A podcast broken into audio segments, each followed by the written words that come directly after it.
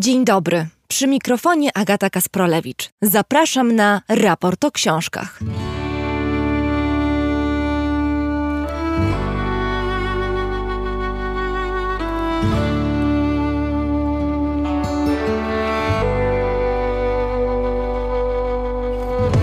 Dwóch bezkompromisowych, fascynujących artystów jest bohaterami marcowego raportu o książkach. Jeden pochodzi z Chin, drugi z Japonii. Ai Weiwei roztrzaskiwał wazy z dynastii Han i malował na nich logo Coca-Coli. Dokumentował podłość i bezwzględność reżimu chińskiego wobec własnych obywateli. Jego językiem jest burzenie porządku, destrukcja, bo sztuka powinna być kijem wymierzonym w oko, zadrą w ciele, kamykiem w bucie. Dla Ai Weiwei'a sztuka i polityka są bowiem nierozerwalne. O tym artysta pisze w autobiograficznej książce Tysiąc lat radości i trosk. Uznawany jest za jednego z największych pisarzy Japonii, a pod koniec życia pisał, że słowa powodują korozję naszej rzeczywistości. Śmierć była jego obsesją, erotyczną tęsknotą, spełnieniem piękna i największym patriotycznym uniesieniem. Tę własną wyreżyserował w najdrobniejszych szczegółach. Nazywał się Yukio Mishima, choć to nie było jego prawdziwe imię. Raport o książkach istnieje dzięki Państwu. Każdy wyraz wsparcia, duchowego i finansowego, jest dla mnie największym zobowiązaniem. Z serca dziękujemy.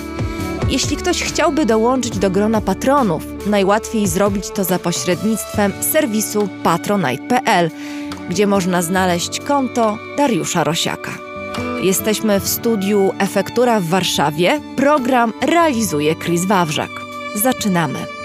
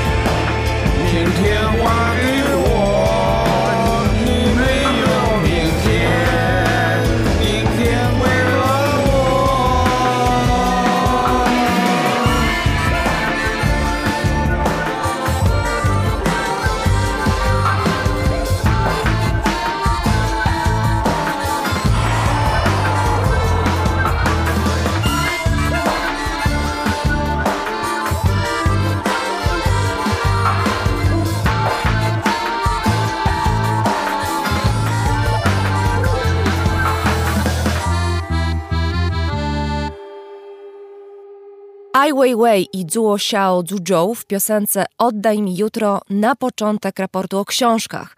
Ze mną w studiu jest Maciej Gaca, sinolog, językoznawca i były dyplomata, założyciel i pierwszy dyrektor Instytutu Polskiego w Pekinie, dziś wykładowca Uniwersytetu Mikołaja Kopernika w Toruniu. Dzień dobry. Dzień dobry. Powiedz nam na początek, jak tytuł tej piosenki brzmi w oryginale. Czyli oddaj mi jutro. Oddaj mi jutro. I o czym jest ta piosenka? O tym, co jest poczuciem tożsamości, co jest poczuciem wolności, gdzie ta wolność jest definiowana w sytuacji jakiejś opresyjnej. Piosenka jest częścią większego projektu, czyli płyty, która została przygotowana przez Ai Weiwei'a, który był producentem i kilku rokowych odważnych muzyków pekińskich. Po jego doświadczeniu aresztu, zatrzymania, które trwało 81 dni, to jest jakby jego odpowiedź, taka gra czy ośmieszenie całego systemu opresyjnego. Sama piosenka odnosi się do takiego poczucia, że nie ma takiej sytuacji, w której zabrać jest w stanie system opresyjny całkowitą naszą wolność. Bo jeżeli zaczyna się ona w takim wolnym tłumaczeniu tekstem jesteś właścicielem nieba, jesteś właścicielem banku, posiadasz armatę wodną i kulę, ale rany po kulach należą do mnie.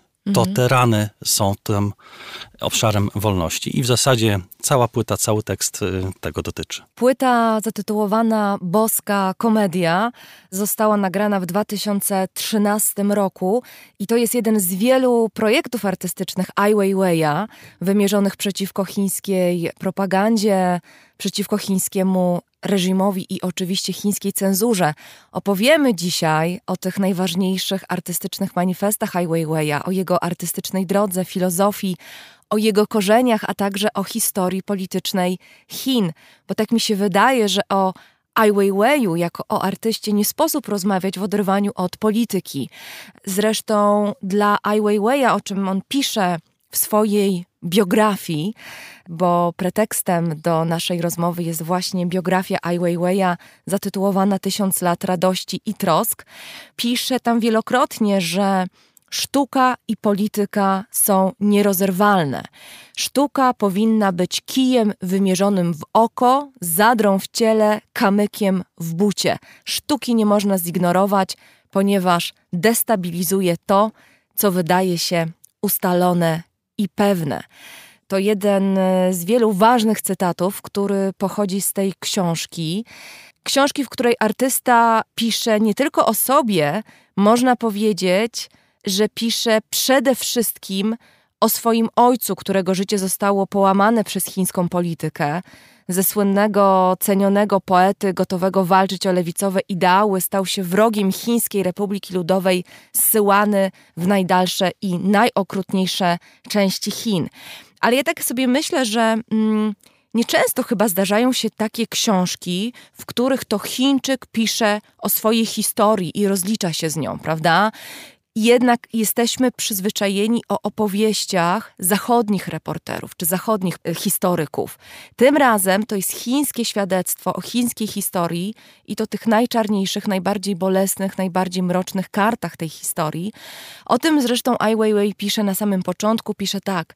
Spełnienie przez Chińczyków wymagań nowego porządku spowodowało zamieranie życia duchowego i utratę zdolności mówienia o tym, co naprawdę się stało to jest ważna książka z tego właśnie powodu, że napisana przez Chińczyka? To jest książka rzeczywiście ważna, dlatego e, że napisał to Chińczyk ale jakby nie tylko dlatego, bo zgadzam się z tym, że mamy dużą ilość publikacji opartej na takiej wrażeniowości, czasami bardzo solidnych studiach, ale jednak człowieka z zewnątrz, dotykających jakichś wybranych, czasami dekad, y, czasami krótszego okresu w historii najnowszej Chin. Jeżeli z drugiej strony mamy przekazy literackie, to poza tymi reporterskimi, które są rzeczywiście bardzo wyraziste z racji samej konwencji pisania, to one nie dotykają, jakby nie opisują tak szerokiego spektrum, bo to, z czym mam do czynienia w książce Ai to jest y, z jednej strony historia doświadczeń jego, jego osobistych. Pierwsza część książki w zasadzie można powiedzieć stanowi rodzaj mm, takiej autoterapii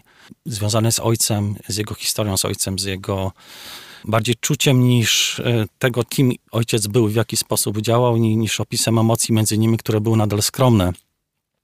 Ale kontrapunktem drugim jest dla niego oczywiście jego syn gdzieś tam na końcu.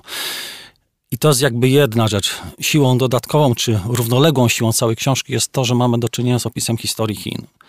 I po przeczytaniu tej książki ja mam takie wrażenie jako sinolog, ale też jako wykładowca, że w zasadzie uczenie historii Chin współczesnych w oparciu o kanon jakichś chronologicznych opisów zdarzeń kompletnie mija się z celem. W zasadzie ta książka powinna być obowiązkową dla studentów, którzy chcą poznać historię najnowszych Chin, bo to jest z perspektywy rzeczywiście Chińczyka, to jest z perspektywy Chińczyka bardzo silnie osadzonym w kontekście wielopokoleniowości. I ta wielopokoleniowość jest niezwykle istotna. W zasadzie najlepszym eksperymentem, jaki można by zrobić, to zaprosić naszych słuchaczy do peregrynacji dzieł Ai Weiwei'a bez przygotowania, mhm. obejrzenia tego, co jest dostępne w internecie, a dzięki niemu, jego fascynacji internetem, która zaczęła się w 2006 roku, ta dostępność jest powszechna. Przynajmniej tutaj w Europie, gdzie wolność dostępu do internetu Chinach, jeszcze mamy. Nie. W Chinach nie.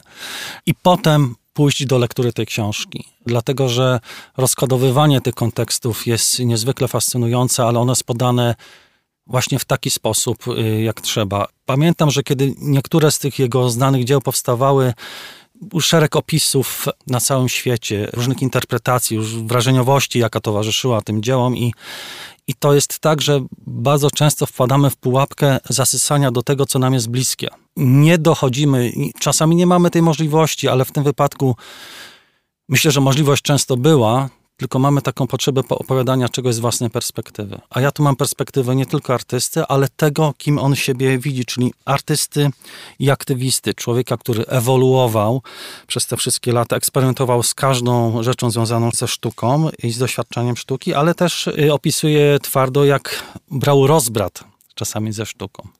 W swojej książce opisuje też y, nie tylko fascynację Zachodem, bo tego się moglibyśmy spodziewać, ale też y, pewną kąśliwość, pewną niezgodę na pewne rzeczy, ten tak zwany konformizm, który temu towarzyszy. Jest ogromne rozczarowanie rzeczywiście nie tylko Chinami, tymi Chinami, które on zna z doświadczenia ojca, z własnego później doświadczenia. Jest rzeczywiście e, rozczarowanie Zachodem. Do tego dojdziemy, ale teraz yy, porozmawiajmy o ojcu Ai Weiwei'a, bo tak jak wspomniałeś, to jest rzeczywiście opowieść o Chinach z perspektywy ojca, a ojcem Ai Weiwei'a był Ai Qing, słynny chiński poeta. Chociaż Ai Weiwei w tej historii cofa się do samego początku, opowiadając y, o swoim dziadku, czyli o ojcu swojego ojca. I pozwól, że tutaj przytoczę krótki fragment e, książki, a brzmi on tak. W wiosce liczącej około stu domostw dziadek uchodził za człowieka światłego. Swój gabinet nazywał pracownią samodoskonalenia, a jego dążenie do samorozwoju potwierdzały wiszące na ścianach zwoje zapisane przez niego starannym, kaligraficznym pismem. W pokoju gościnnym znajdowała się drewniana tabliczka z wyrytymi na niej słowami. Szczęście mieszka w więziach rodzinnych, które podsumowywały jego spojrzenie na świat. Dziadek był właścicielem dwóch sklepów z sosami sojowymi oraz wielobranżowego z towarami z importu, a oprócz prowadzenia tych działalności nie żałował czasu na śledzenie aktualnych wydarzeń i lekturę nowości wydawniczych. Prenumerował Shenbao, chińskojęzyczny dziennik założony przez Londyńczyka mieszkającego w Szanghaju.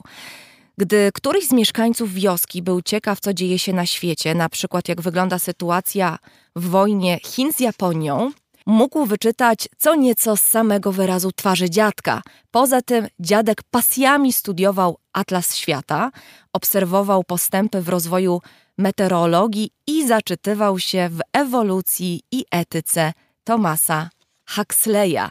Dziadek był więc, jak możemy na podstawie tego fragmentu wywnioskować, człowiekiem postępowym, ba, nowoczesnym, ale kiedy przyszło do narodzin syna, tradycja czy też przesąd wzięły górę. Wróżbita przepowiedział, że tutaj cytat, narodziny dziecka kłócą się z losem rodziców i jeśli zostanie ono pod ich opieką, ściągnie na nich śmiertelne niebezpieczeństwo. Dziadek i babcia posłuchali wróżbity i oddali dziecko, czyli ojca Ai Weiwei'a pod opiekę pewnej kobiety z wioski, nazywaną wielkolistną. Dziwna to sprzeczność, y, paradoks można powiedzieć na początek tej historii, takiej nowoczesności i zabobonu, postępu i mocno ściągającej tradycji. Dobrze to charakteryzuje Chiny początku XX wieku, Chiny, które były przed wielką zmianą, Chiny, które nie wiedziały jeszcze, w którą stronę ten wir historii je zaciągnie. Powiem prowokacyjnie, to nie opisuje tylko i wyłącznie dobrze Chiny początku XX wieku, to opisuje również Chiny początku XXI wieku. Mhm. Te obecne. Te obecne Chiny. Jest coś takiego, że z jednej strony oczywiście te ponad 100 lat temu Początek XX wieku to jest czas olbrzymich przemian, olbrzymiej gwałtowności w Chinach, olbrzymiego wpływu obcych idei, obcych kultur, czasami w sposób taki inwazyjny, bo tłem jest wiek XIX, który współcześnie bywa określany wiekiem upokorzenia Chin e, ze względu na to, że ta obecność tych sił Zachodu od wymuszonego handlu, handlu opium, od wymuszonych otwartych portów traktatowych, ale przez duży wpływ idei, książek, czytelnictwa, kultury materialnej, to wszystko się pojawiło bardzo inwazyjnie i, i, z drugiej strony mieliśmy zastałe społeczeństwo chińskie, które funkcjonowało e, w pewnym zahibernowaniu tradycji, która kształtowała się w zasadzie jeszcze w czasach dynastii Han, czyli dwa wieki przed Chrystusem, dwa wieki po Chrystusie. Stamtąd zresztą derywowana jest dzisiejsza identyfikacja etniczna, czyli Chińczycy nazywają się Han od tejże dynastii Han. Ale to co ważne, że w tamtym czasie utrwalała się wpływ filozofii konfucjańskiej. Nie będę opowiadał całej historii Chin.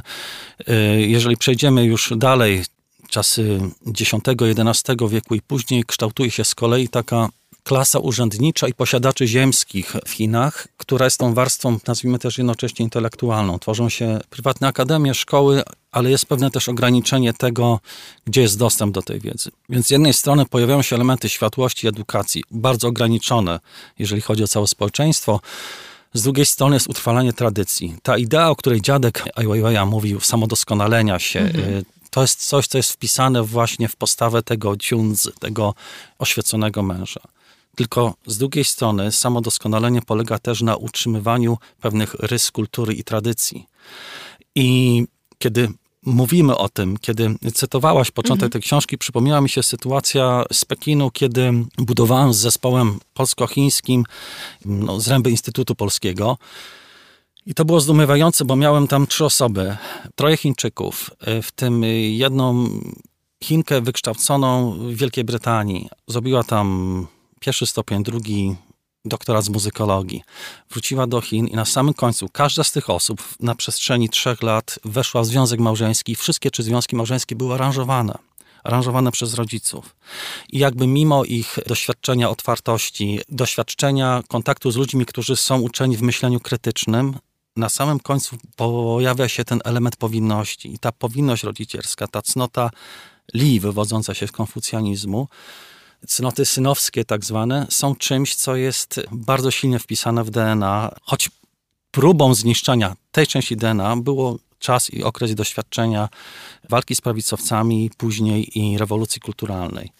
W jakim sensie ten kręgosłup kontinuum chińskiego został przetrącony, ale on teraz wraca tylko w takich wyrwanych elementach. Mhm.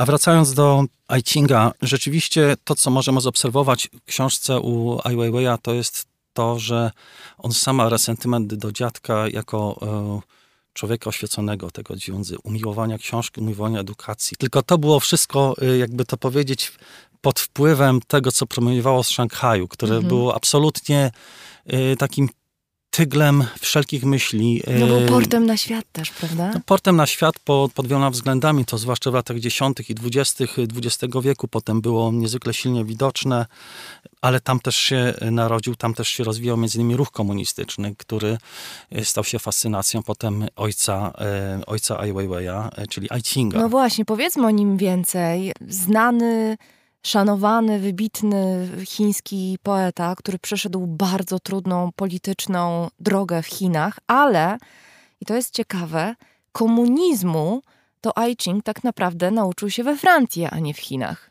No nie on jeden, bo fascynacja komunizmem, jak wiemy, było to mm, pojęcie na początku obce i było jednym z systemów filozoficznych, czy z takich poglądów na koncepcję budowania nowego społeczeństwa, który do Chin docierał razem z innymi, bo pamiętajmy, że przełom XIX i XX wieku w Chinach to jest czas, kiedy jeszcze dogorywa Cesarstwo Chińskie. Dynastia obca etnicznie, wywodząca się ze starego mandżurskiego rodu Aishincioro.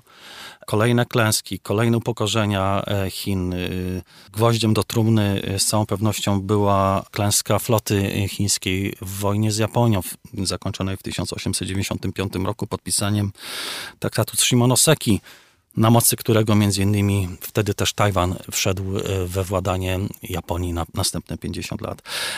I w tym wszystkim, przy tym też fermencie różnych koncepcji budowania przyszłości, mamy z jednej strony e, Sun Yat-sena, który buduje swoje zasady, które wygłasza w 1905 roku, potem szóstym, tak zwane cztery zasady, na których chce oprzeć przyszłe państwo chińskie i demokrację. Z drugiej strony, już w tym czasie inni młodzi Chińczycy starają się zdobywać, chłonąć wiedzę o innych systemach. W latach I wojny światowej i krótko po, ze względu na wcześniejsze silne kontakty między Francją, jako jednym z tych państw, które bardzo silnie wpływało na rozwijające się miasta portowe chińskiego wybrzeża, zostało podpisane porozumienie, na mocy którego blisko 30 tysięcy Chińczyków do Francji pojechało wykonywać różnego rodzaju prace i na tej fali też fascynacji, ale też, żeby mieć kontakt z tą rzeczywistością, dotarł tam Aiqing. I myślę, że to jest tak, że z jednej strony ojciec Aicinga, to są to przebrzmiewa z tej książki, mhm. był pełen obaw i niechętny. A z drugiej strony sam, będąc osobą, która miała potrzebę czytania i otwarcia. I głód świata. I głód świata, mhm. przekazał to jakby swojemu synowi, choć wydaje się, że nie ma zbyt wielkich nadziei, jeżeli chodzi o to, co może to na samym końcu przynieść. I niestety się nie mylił w tym sensie. I potem mamy piękny opis w książce, y, żeby już nie wchodzić w szczegóły mhm. jakby jego doświadczenia Aicinga i formowania się jego myślenia, jego fascynacji komunizmem, ale najpierw była fascynacja poezją, poezją rosyjską, przede wszystkim poezją nakierowaną na, brzmi to w tej chwili być może banalnie, ale na los ludzki, na doświadczenie przemocy społecznej, na doświadczenie radzenia sobie w tej rzeczywistości, krystalizowania się jednoznacznych postaw szlachetnych wobec otaczającej nas przemocy. Fascynowany był poezją Majakowskiego, tak. prawda? Tak. Mhm. Nie tylko Majakowskiego, e, wielu innych twórców, czy z Belgii, czy z Francji, mhm. w tych w każdym razie, których dzisiaj byśmy nazwali lewicującymi. A z drugiej strony jego doświadczenie, kiedy nie miał już pieniędzy, kiedy z jednej strony chłonął malarstwo i wiedzę o malarstwie i o sztuce zachodu, ale musiał zajmować się najprostszymi pracami, żeby przetrwać. I z drugiej strony też obserwował innych członków swojej diaspory chińskiej. I to wszystko budowało powoli w nim potrzebę powrotu. Ona rzeczywiście nastąpiła po kilku latach i kiedy wrócił, mentalnie był uformowanym lewicowcem z dużą wrażliwością społeczną.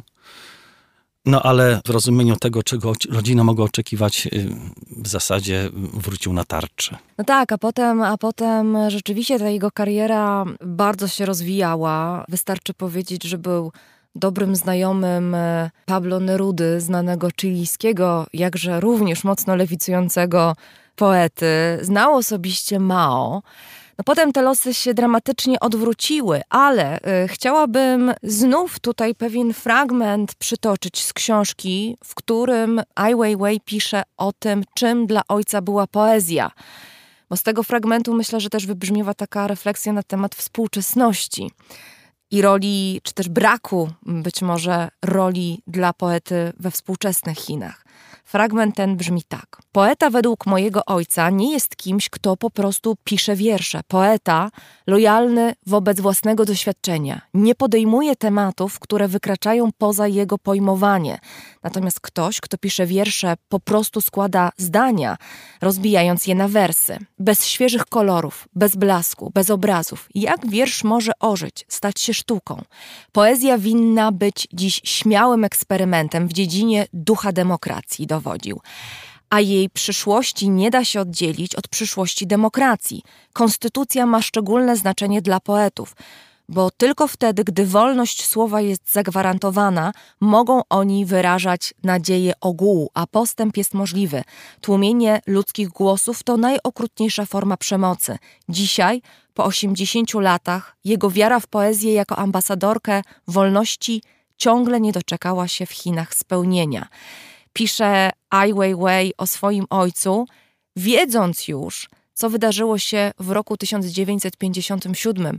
Zaczyna się wspomniana już przez ciebie kampania przeciw prawicowcom i ojciec Ai Weiwei'a jest na celowniku. To ciekawe, że to jest kampania przeciw prawicowcom i jest wymierzona przeciwko człowiekowi, który jest na wskroś lewicujący, prawda? Tak z krwi i kości no, to i ducha. Jest, to jest... Jakiś paradoks przedziwny. Można na to spojrzeć jak na paradoks, z drugiej strony to jest właśnie jeden z wielu obszarów tego tragizmu współczesnej historii Chin. Mao Zedong był człowiekiem, który pozornie był czytany. Tak naprawdę z opracowań krótkich y, czy marksizm, y, czy leninizm znał, natomiast budował własną ścieżkę, własną drogę i ona po Wielkim Marszu, po 1937 roku, kiedy osiadał w Jananie, ona ewoluowała.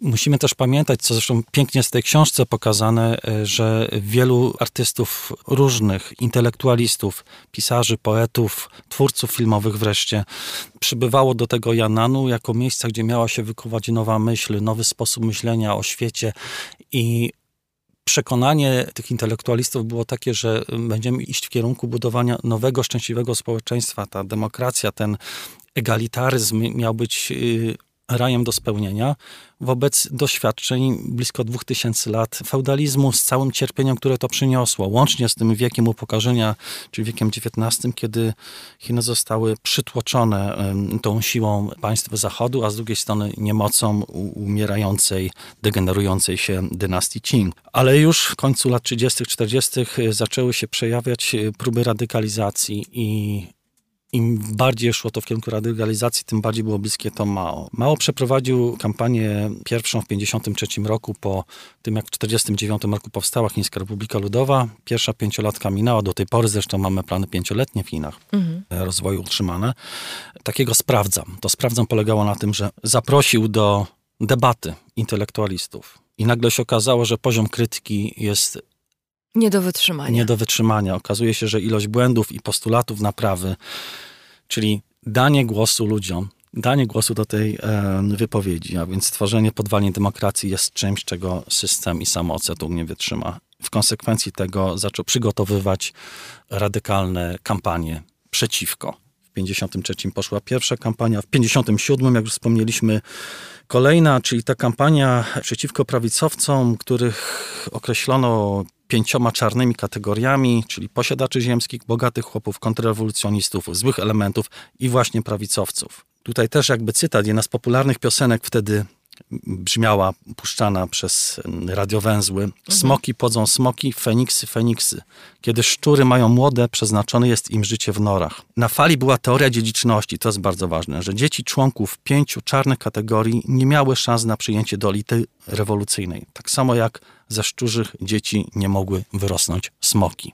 I to jest takie credo, które zdefiniowało życie i Jajcinga, i w konsekwencji Ai już Ai Weiwei'a, e, który w 1957 roku przyszedł na świat. No on przyszedł na świat, e, kiedy ojciec był już e, zepchnięty na margines chińskiego społeczeństwa. Ba, no on był wysyłany w najbardziej okrutne zakątki Chin, wykonywał najbardziej upokarzającą pracę. I tak wyglądało dzieciństwo Ai Weiwei'a, gdzieś w jakiejś ziemiance, bez okien. Ojciec y, trudnił się czyszczeniem toalet.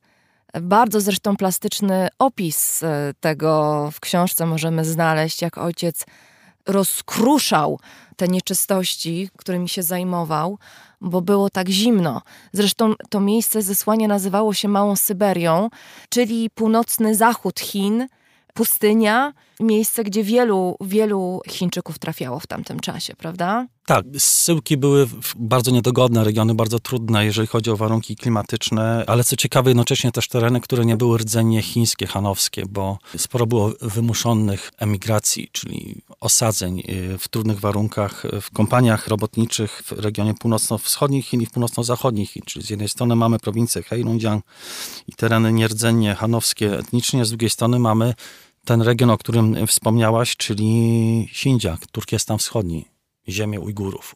Ale warunki były rzeczywiście dramatyczne i tragiczne i Tu warto wspomnieć, że to doświadczenie dzieciństwa bardzo zdefiniowało Ai Weiwei'a. Bardzo mocno, bo on w tej książce też w którymś momencie mówi coś takiego niezwykle ważnego, mhm. że w dzieciństwie tak często się przeprowadzaliśmy, a każda przeprowadzka wymagała przywyknięcia i adaptacji.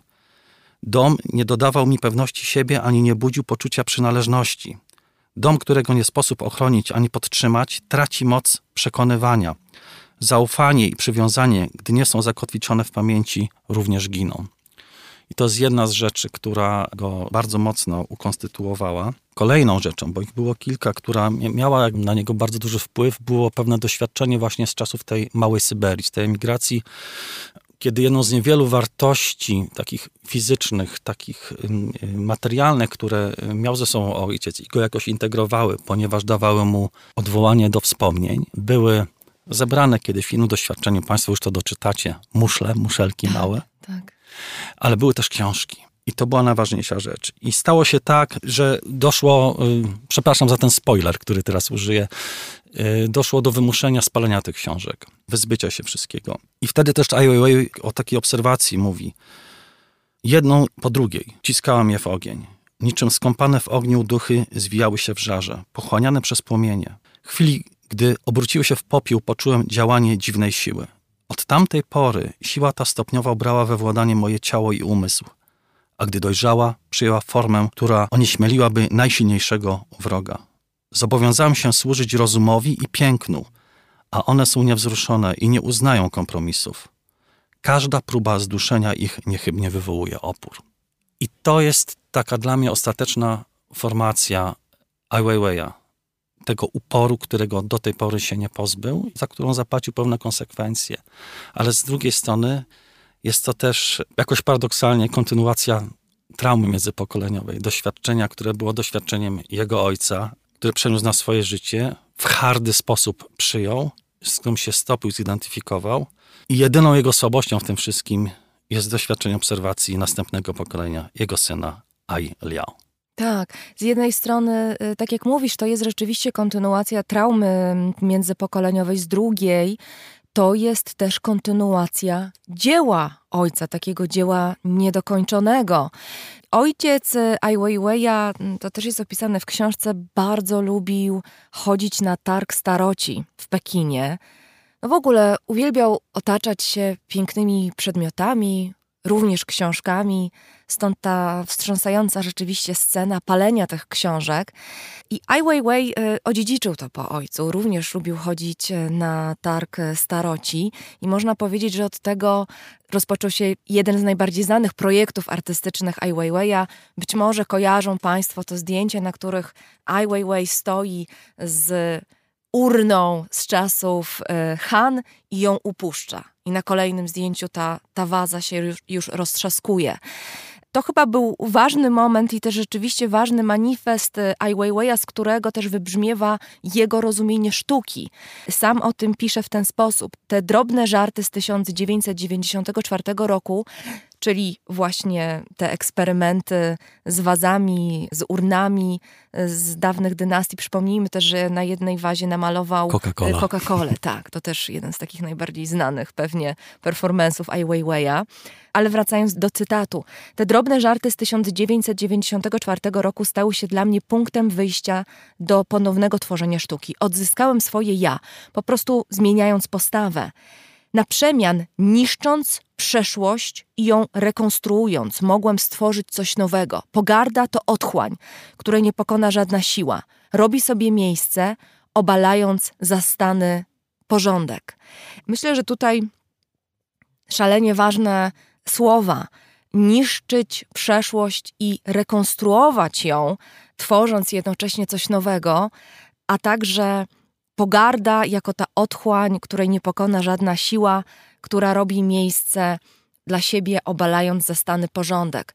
Wydaje mi się, że wszystko, co robił Ai Weiwei w swoim artystycznym życiu, to była próba dekonstrukcji wszystkiego, co zastał, wszystkiego, co znał, wszystkiego, co e, w 1949 roku powstało i do dzisiaj nazywa się Chińską Republiką Ludową. Tak, y, ja mam tutaj zgodę na to, że rzeczywiście y, to można tak pomyśleć, chociaż nie sięgałbym do tej cezury 49 mhm. roku, raczej cofnąłbym się do właśnie doświadczenia ojca, tego budowania fascynacji i budowania nowych Chin, y, czyli lata 30 jednak i jeszcze wcześniej, no bo to, co było po 49 to już było państwo, państwo, które stało się państwem opresyjnym i wobec doświadczenia jego rodziny, a i też wobec doświadczenia przecież setek tysięcy, milionów intelektualistów innych.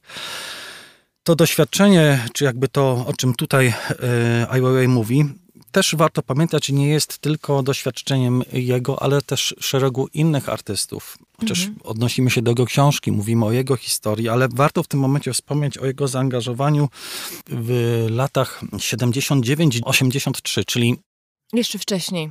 Tak. Mhm. Mao Zedong umiera w 76 roku. Potem mamy straszny epizod próby przejęcia władzy przez tak zwaną bandę czworga z Mao Zedonga czwartą żoną na czele. Ostatecznie Deng Xiaoping ze swoimi zwolennikami przejmuje tę władzę. 78 rok to jest taki rok właśnie ogłoszenia otwarcia w Chinach.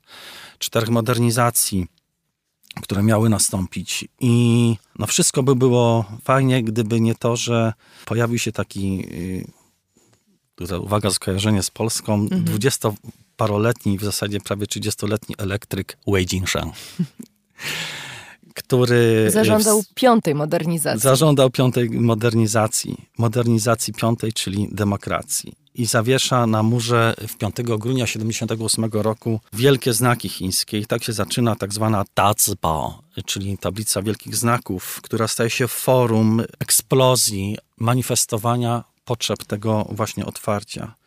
Te hasła, które są ogłoszone nie tylko przez Wei Jinshenga, ale on za nie zapłaci dużą e, cenę, bo cenę więzienia, są bardzo oczywiste. Mówi, że jeśli chcemy zmodernizować gospodarkę, naukę, wojsko i inne obszary, musimy najpierw unowocześnić lud, społeczeństwo. Demokracja, wolność i szczęście jednostki oto jedyne cele naszej modernizacji. Bez piątej modernizacji wszystkie pozostałe to tylko nowe kłamstwo.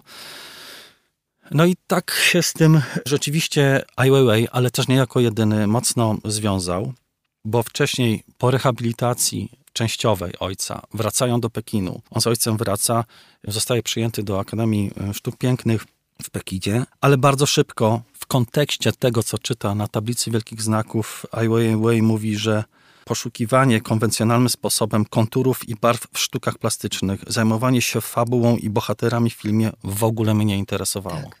Mhm. Czyli ucieka do czegoś, co musi być kontekstem społecznym. Zaczyna się w nim budzić pełna świadomość tego, że bycie artystą jest nierozłączne z byciem aktywistą narracja to jest symbioza, prawda? To jest absolutna symbioza, mhm. to jest konieczność. I wtedy zakłada z innymi wybitnymi artystami taką grupę, nazywa się Xing Xing po chińsku, czyli grupa gwiazd.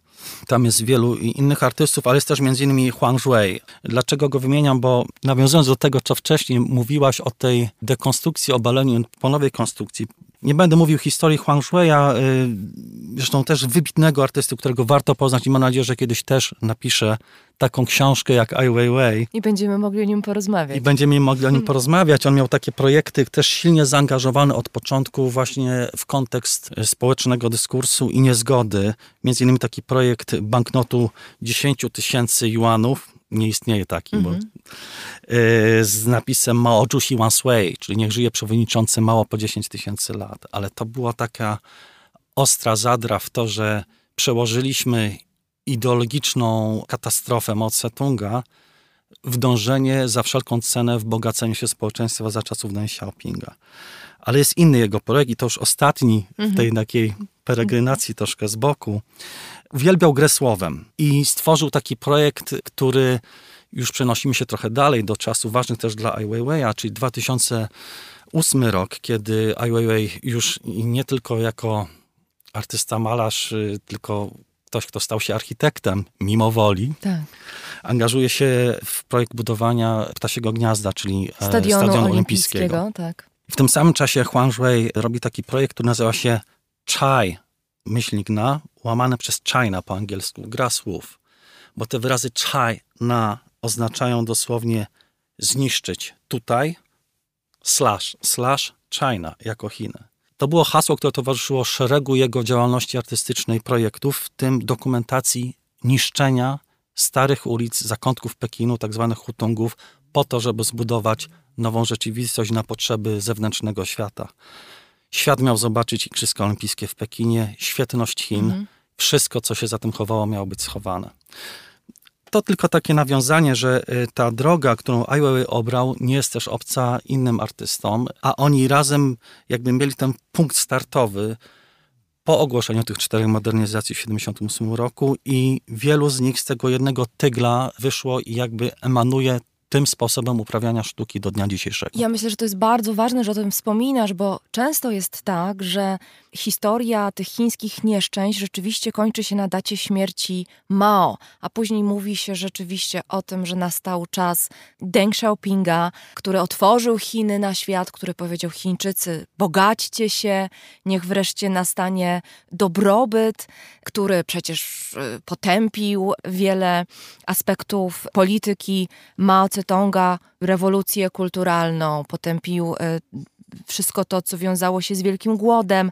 I nam się wydaje często, że rzeczywiście to był taki moment, kiedy Chiny się mocno zmieniły. Wydaje mi się, że z tej książki Ai Weiwei'a wybrzmiewa taka bardzo mocna refleksja, że Deng Xiaoping był tak samo zgubny dla wolności w Chinach, jak Mao Tse-tung, że tak naprawdę to, że nastała ta wolność gospodarcza i to, że Chińczycy mogli się bogacić, w żaden sposób nie usprawiedliwia innych zbrodni, które trwały i trwają do dziś. Pełna zgoda. Dokładnie tak to wygląda y, rzeczywiście w jego doświadczeniu. Pytanie jest jakby, co z tym zrobić co zrobił y, Ai Weiwei? Jak patrzył na to, czego doświadcza i jak to definiował i jaki rodzaj narracji w tym wszystkim przyjął? Bo tu jest też taka jego gorzka uwaga, kiedy mówi o upadku państwa. Mhm.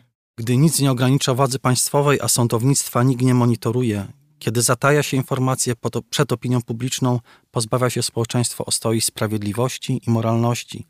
Zepsucie władzy sądowniczej to zewnętrzny objaw bankructwa moralnego ogółu obywateli. Blizna oszpecająca epokę, w której żyjemy. To są jego doświadczenia, które w szczególny sposób go po raz kolejny e, formowały i radykalizowały po 2008 roku, bo sięgnięcie do 2008 roku jest dla nas ważne jeszcze w jednym istotnym e, kontekście. I znowu zbuduję klamrę. Mhm. 1976-2008. Tym razem tę klamrę oprzemy o tragiczne wydarzenia, na które nikt nie miał wpływu, bo wynikały e, z natury Matki Ziemi, a więc trzęsienia ziemi. ziemi. Pierwsze było w 1976 w Tangshan. To też jest niebywale skomentowane w tej książce, kiedy wstrząsy, bo to było 140 zaledwie kilometrów od Pekinu, były odczuwane w Pekinie, ale jakby funkcjonowanie w codzienności na początku przy blokadzie informacji było tak, jakby się nic nie zmieniało. I drugie takie doświadczenie już z zupełnie innym poziomem świadomości Ai Weiwei, to z rok 2008. On rzeczywiście brał bardzo duży udział w projektowaniu, przygotowaniu tego ptasiego gniazda, tego stadionu narodowego. Który Ale też stał się symbolem e, wielkości tych współczesnych Chin. Stał prawda? się symbolem wielkości tych Chin. E, tych w koncepcji Ai Weiwei mhm. miał być czymś, gniazdo jest czymś, co jest absolutnie otwarte, niezamknięte. To nie jest dziupla. Tak. tak. To nie jest nora. Gniazdo jest czymś, z czego wyfruwa się na zewnątrz. A więc do świata. Nieba. Ku tak. niebu, tak. tak. Ku otwarciu. No i w jakim sensie ten projekt y, y, Ai Weiwei'a, no można się zastanawiać, czy nie poniósł klęski. Ale to, do czego chciałem nawiązać, że y, w tym samym roku, zanim się igrzyska wydarzą, mamy z 76 roku z potwornego trzęsienia ziemi, w którym zginęło według różnych szacunków między 250 a 400 tysięcy ludzi. Przenosimy się w rok 2008 i mamy w Syczuanie trzęsienie ziemi, które jak wspomnieliśmy zradykalizowało Ai Weiwei'a bardzo silnie, ponieważ znowu rząd chiński, czyli nic się nie zmienia. To jest to, mhm. że bez względu na to, który z cesarzy czerwonej dynastii jest przy władzy, nie zmienia się mechanizm funkcjonowania państwa. Nie przekazujemy informacji, nie mówimy, co się wydarza, bagatelizujemy, a potem chowamy przyczyny. Nikt nie poniósł żadnych konsekwencji tego, że w Syczuanie budynki były budowane z pogwałceniem absolutnie wszystkich podstawowych zasad budowlanych. Tam zginęło kilkadziesiąt tysięcy ludzi, w tym mnóstwo dzieci. Bardzo dużo dzieci. Tak w zawalonych budynkach szkolnych. I przejmujące są opisy tych wizyt, które też Ai tam zrobił, ale co jest też ważne, on przy tej okazji uruchomił też całą społeczność wokół siebie wtedy. Jakby rok od 2006, czyli najpierw pojawienie się na szeroką skalę, ale też w doświadczeniu Ai internetu, a potem rok 2008 to jest czas, przez który zaczął zbudować społeczność wokół siebie, a więc gromadzić ludzi, którzy y, starali się patrzeć na społecznikowski y, charakter funkcjonowania jako sposób identyfikacji siebie i utożsamienia swojej jednostki jako, jako bytu potrzebnego tak to się zadziało. To było jego doświadczenie, które przekładał na kontakty z innymi ludźmi. Wtedy zaczęła się też radykalizacja projektów artystycznych. Między innymi wywieszenie tornistrów zebranych stamtąd, ponad 5100 tornistrów wywieszonych e, na ścianie czy na płocie, które miały nadać sens i pamięć, ale też pomóc przeżyć żałobę tym wszystkim tragicznie przetrąconym rodzicom, które te dzieci straciły. Ale to jest też to, o czym my mówimy, że dla Ai Weiwei'a sztuka jest konfrontowaniem się z rzeczywistością, jest takim wgryzaniem się w rzeczywistość nawet nie tyle zębami, co kłami, prawda? Dla niego rola artysty i rola aktywisty to jest właściwie jedno i to samo.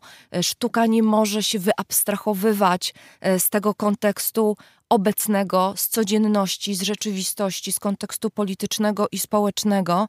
I tutaj myślę, że warto wspomnieć o tym, o czym napomknęliśmy na początku naszej rozmowy, to znaczy o takim dużym rozczarowaniu Ai Weiwei'a Zachodem, bo trzeba wspomnieć, że Ai Weiwei kilka lat spędził w Nowym Jorku. Tam e, nawet e, odnosił pewne sukcesy artystyczne, zdarzało mu się wystawiać swoje obrazy na różnych wystawach, ale Ai Weiwei Zachodem się bardzo rozczarował takim konsumpcyjnym, e, komercyjnym podejściem zachodnich artystów do sztuki i myślę, że fantastycznie ilustruje to e, ten fragment, w którym Ai Weiwei pisze tak. Jeśli idziesz do MoMA, czyli Nowojorskiego Muzeum Sztuki Współczesnej i nie ogarnia cię wstyd, to albo z twoimi artystycznymi instynktami jest coś nie w porządku, albo jesteś skończonym łajdakiem – znajdziesz tam wyłącznie uprzedzenia, snobizm i próżność. Dla mnie sztuka wchodzi w dynamicznej relacji z rzeczywistością. Credo takie artystyczne Ai Weiwei'a, które też chyba należy rozumieć w kontekście tego jego chińskiego doświadczenia, prawda? Ta rzeczywistość, która nie chce się zmieniać, więc trzeba ją dekonstruować, trzeba rozbijać te wazy, trzeba dokonywać aktów, y, no takich momentami oburzających. Ja przytoczę wystawę Ai Weiwei'a też z 94 roku, bo chyba to też był taki dosyć istotny rok dla twórczości Ai Weiwei'a, kiedy prezentuje on wystawę pod tytułem Fuck Off, czyli po chińsku odmowa współdziałania. I rzeczywiście. Piękne tłumaczenie. Piękne tłumaczenie, tak, tak. To się nazywa eufemizm, ale mnóstwo zdjęć na tej wystawie rzeczywiście może oburzać, jak choćby zdjęcie przedstawiające artystę obgryzającego kończyny ludzkiego embrionu. No nie muszę mówić, jakie to reakcje wzbudziło wśród chińskich krytyków, ale, I cenzorów. I cenzorów, rzecz jasna. Ta wystawa zresztą bardzo szybko zniknęła z przestrzeni publicznej, ale Ai Weiwei odpowiada w ten sposób. Te dzieła bezkompromisowo zderzały się z rzeczywistością.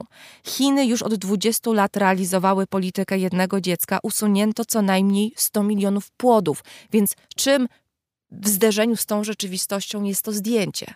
No tak, to rzeczywiście pokazywanie przez y, silny kontrast po to, żeby wywołać refleksję jest podstawowym zadaniem sztuki. I tak została ta wystawa wtedy w Szanghaju do, do pomyślana. Rzeczywiście ją zwinięto. Ten akurat projekt, o którym tutaj wspominasz, to był performance y, artysty, on potem miał też inne, ale też bez znajomości kontekstu trudno na to spojrzeć. Cenzorzy czy krytycy spojrzeli w sposób bezpośredni, w ogóle nie zastanawiając się nad kontekstem. Bo tam jest dłuższa historia. Ten artysta, który to zdjęcie zamieścił, czy jakby mhm. fragment tego performance'u tam był zawarty na zdjęciach, był związany wcześniej w takim związku romantycznym y, z prostytutką, która zaszła w ciąży. E, on stracił z nią kontakt, potem się dowiedział, że jest w ciąży, próbował się z nią kontaktować, ona odmówiła kontaktu, on się dowiedział, zdecydowała się na usunięcie tej ciąży, on się dowiedział, w którym szpitalu, ciąża została usunięta, przekupił pielęgniarkę i ten usunięty płód y, przejął. Tego dziecka. Potem dokona jakby te, pewnego performance'u. On robi rzeczywiście zdjęcia, które są szokujące. Tam jak on oczyszcza, przygotowuje i tak dalej. Potem rzeczywiście jest ten element konsumpcji. Tylko to jest obarczone taką też narracją, czy jakby otoczone narracją o tym, że co z niego wyszło, do niego wraca, ponieważ wszystko zabroniło mu z tym się zidentyfikować. W tle jest ta narracja polityki jednego dziecka, w tle jest to wszystko, że y, mamy tradycję i kulturę chińską, która mówi, że przy zachowanie y, kultu przodków, zachowanie y, nazwiska jest kluczowe, ale ono odbywa się tylko i wyłącznie po mieczu, nie po kądzieli. E, I to doświadczenie spowodowało, że na masową skalę były usuwane nie tylko płody, ale też y, nowonarodzone dzieci, gdyż były płci żeńskie, zwłaszcza na wsiach, tam gdzie jakby to osadzenie y, w bardzo y, twardych ramach tej tradycji było bardzo silne.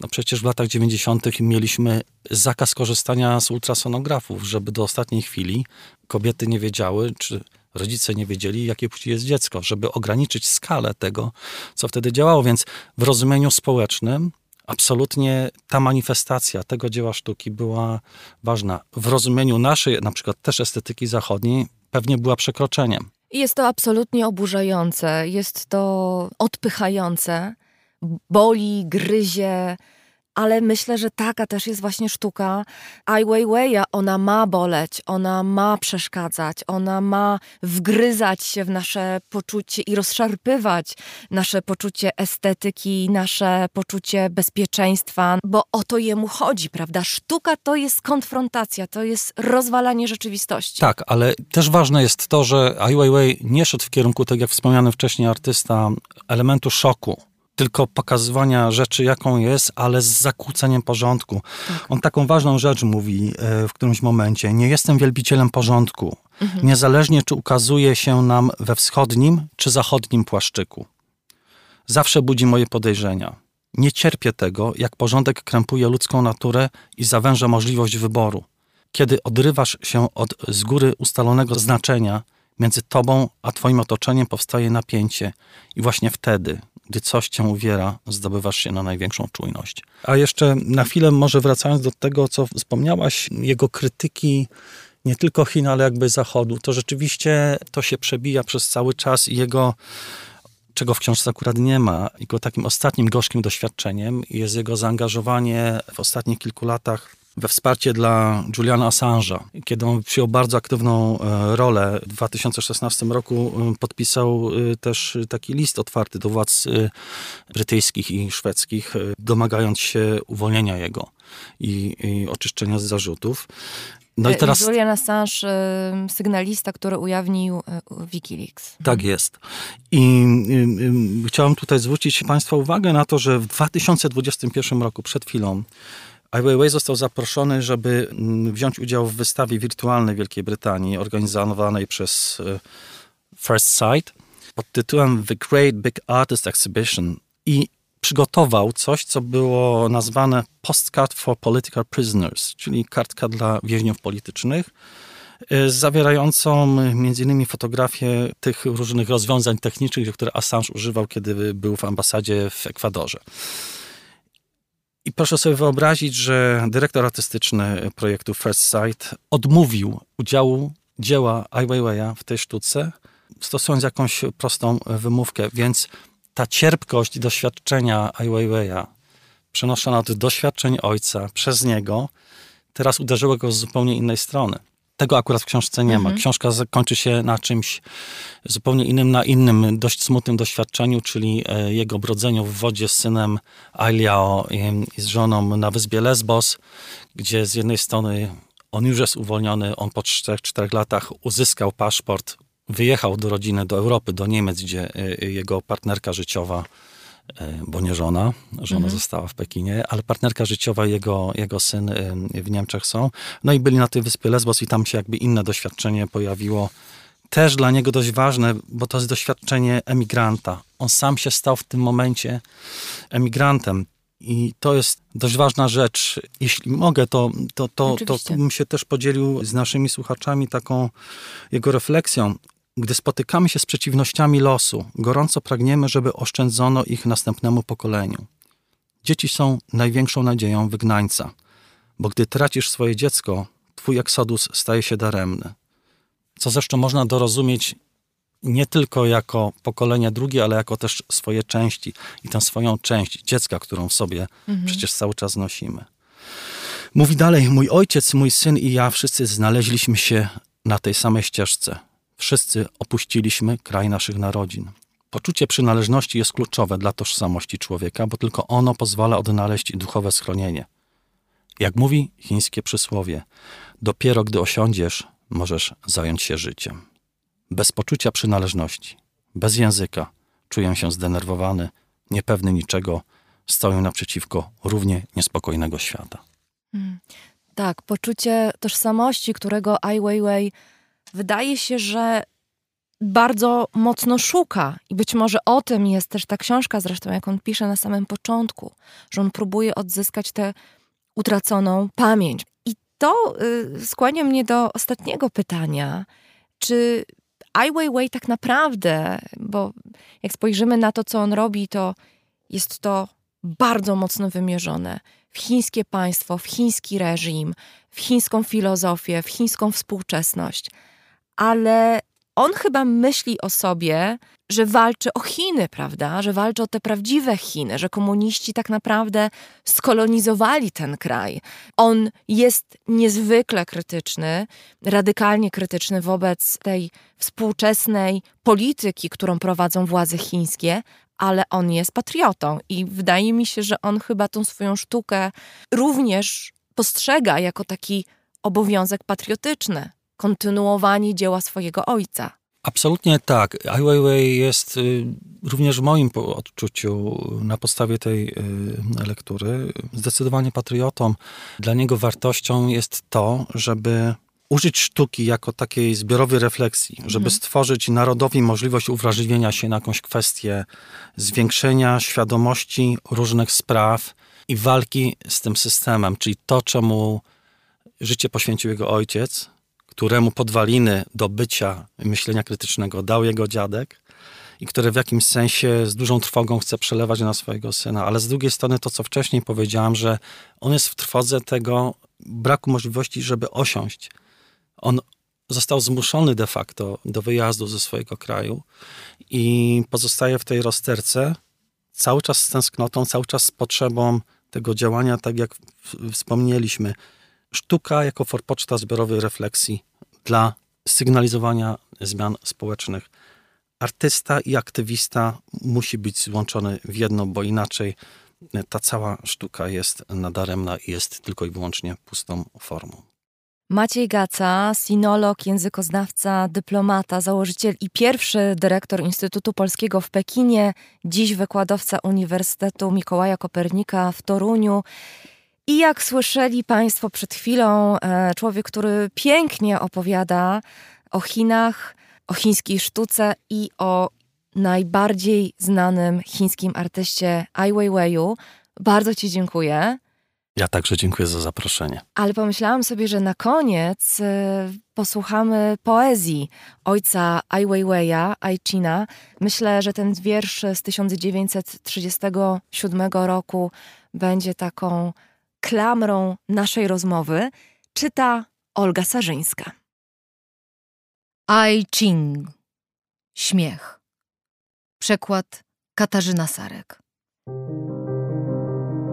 Kiedy za kilka tysięcy lat na bezludnym brzegu morza, z ruin niegdyś kwitnących miejsc, ktoś podniesie kość.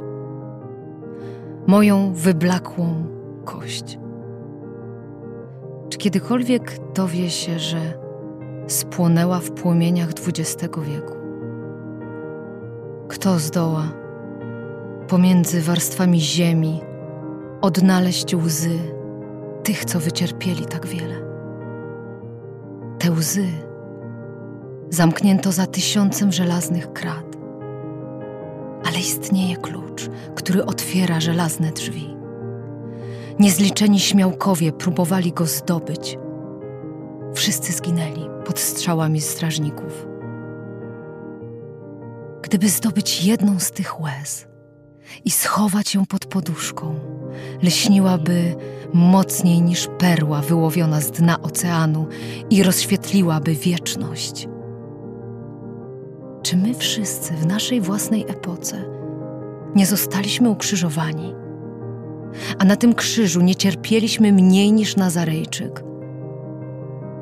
Ręce wroga założyły nam cierniową koronę z poranionych i bladych czuł. Kapały krople ciemnoczerwonej krwi. Nigdy nie opisaliśmy smutku i wściekłości naszych serc. To prawda. Nie powinniśmy mieć złudzeń ale marzymy, że pewnego dnia ludzie nas wspomną, tak jak dawnych przodków, którzy walczyli z potężnymi bestiami. Na ich twarzach pojawi się lekki, radosny uśmiech. Może nie dbam o nic, ale bez wahania zginę. Chętnie za taki uśmiech.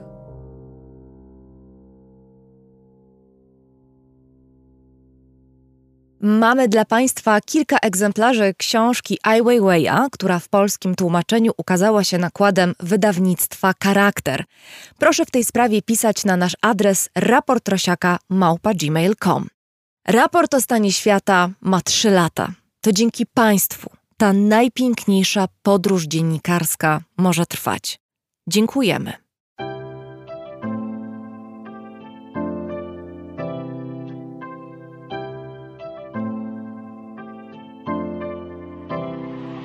Raport o stanie świata od marca 2020 roku rozwija się dzięki Państwa zaangażowaniu i szczodrości.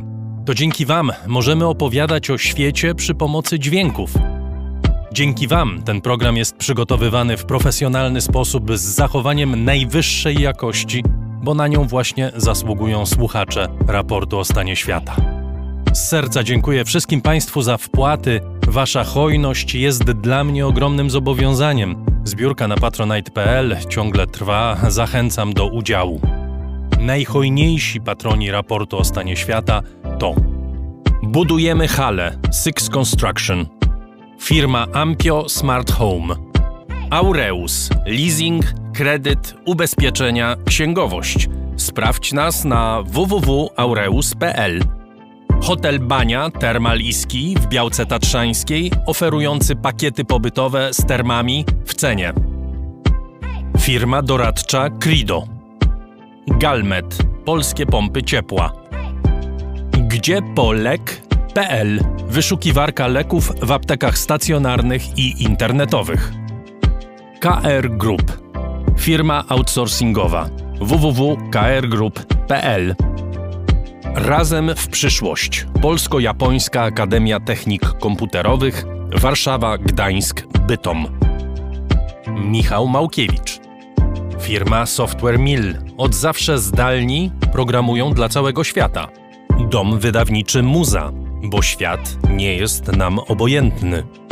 Pure Play. Transparentna agencja mediowa digital i doradca w budowaniu kompetencji in-house. Uber. Myślimy globalnie, działamy lokalnie. Agnieszka i Sławek Zawadzcy. A także Budros Pompy Ciepła. Gruntowe pompy ciepła dla budynków przemysłowych i wielorodzinnych. Kompleksowa obsługa. Liceum Błeńskiej Gdańsk-Kowale. Przemyślana edukacja w dobrym miejscu. Piotr Bochnia. CIO Net and Digital Excellence. Łączymy ludzi i idee. Grupa brokerska CRB. Ubezpieczenie należności dla Twojej firmy. Bezpłatne porównanie ofert www.grupacrb.pl Duna Language Services. Biuro tłumaczeń do zadań specjalnych www.duna.biz. JMP. Z miłości do sportu, z najlepszych tkanin w sercu Podhala szyjemy dla Was porządną odzież. Palarnia kawy La Cafo z Augustowa. LSB Data. Dedykowane aplikacje internetowe dla biznesu. Masz pomysł? Zrealizujemy go. lsbdata.com Wydawnictwo Uniwersytetu Łódzkiego. Wydawca książek serii Krótkie Wprowadzenie. Wszystko, co trzeba wiedzieć. Leszek Małecki. Aplikacja Moja Gazetka. Polska proekologiczna aplikacja zakupowa z gazetkami promocyjnymi i nie tylko. Moja Gazetka. Kupuj mądrze. Firma Prosper z Sosnowca, hurtownia elektroenergetyczna i właściciel marki Czystuś. Drukarnia cyfrowa totem.com.pl. Dla nas książka zasługuje na najwyższą jakość. Fundacja Wasowskich, opiekująca się spuścizną Jerzego Wasowskiego i wydawca książek Grzegorza Wasowskiego. Szczegóły na wasowscy.com. Michał Wierzbowski. Wayman oprogramowanie wspomagające firmy inżynieryjne w zarządzaniu projektami, stworzone przez polskich inżynierów dla sektora projektowego. www.wayman Software. Sławomir Zając. Dziękuję bardzo. To dzięki Państwu mamy raport o stanie świata.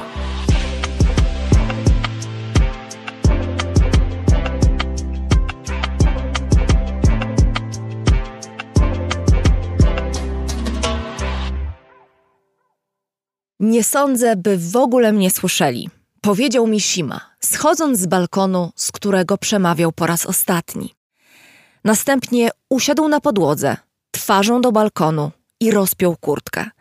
Chwilę później obiema rękoma chwycił krótki miecz, chrząknął i wbił ostrze w swój lewy bok. Potem wolno poprowadził go w poprzek brzucha do swojego boku.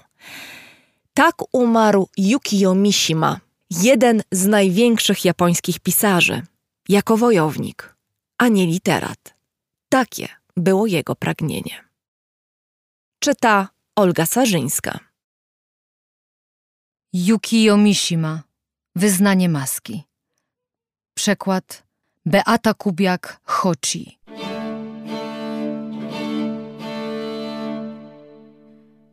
Mam jeszcze jedno wspomnienie z wczesnego dzieciństwa.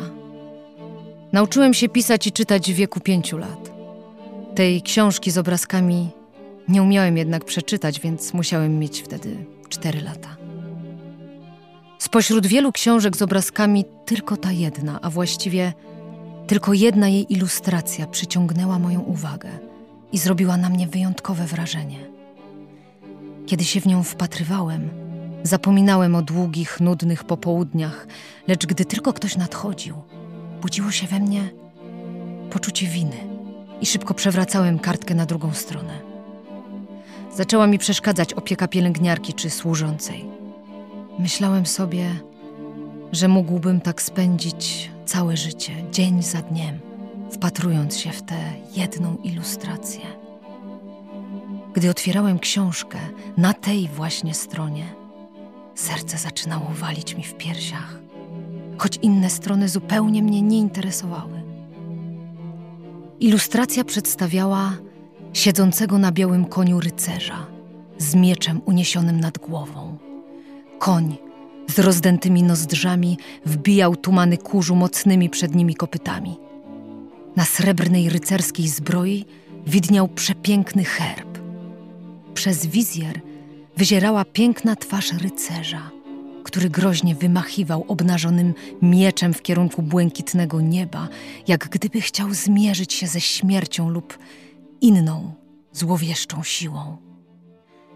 Byłem przekonany, że w następnym momencie zostanie zabity i że jeśli szybko przewrócę kartkę, ujrzę ilustrację z nieżywym rycerzem. Jak gdyby istniał sposób na to, by obrazki z książki zmieniały się w jednej chwili, w następny moment. Ale pewnego dnia pielęgniarce udało się jakoś otworzyć książkę na tej właśnie stronie. I kiedy ukradkiem przyglądałem się jej z boku, usłyszałem: Zna pani tę historię? Nie. Ten człowiek wygląda na mężczyznę, prawda? Ale to kobieta. Naprawdę. To jest opowieść o kobiecie, Joannie Dark, która poszła na wojnę bronić swego kraju w przebraniu mężczyzny. Kobieta? Poczułem się zdruzgotany. Osoba, o której myślałem jako o nim, była nią. Jak to możliwe, że ten piękny rycerz był kobietą? Do dziś mam wyjątkową, niewytłumaczalną awersję do kobiet w męskim stroju. Było to coś w rodzaju pierwszej w życiu zemsty rzeczywistości, z którą miałem do czynienia i która wydała mi się okrutna. Szczególnie w stosunku do słodkich myśli, jakie snułem na temat śmierci rycerza. Wiele lat później odkryłem gloryfikację śmierci pięknego rycerza w wierszu Oscara Wilda. Piękny ten rycerz, co leży zabity w trzcinach i oczeretach.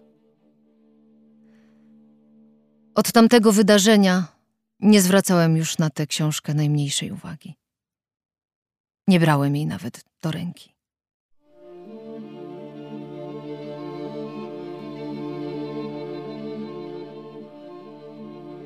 Otworzyłem album na stronie znajdującej się gdzieś blisko końca.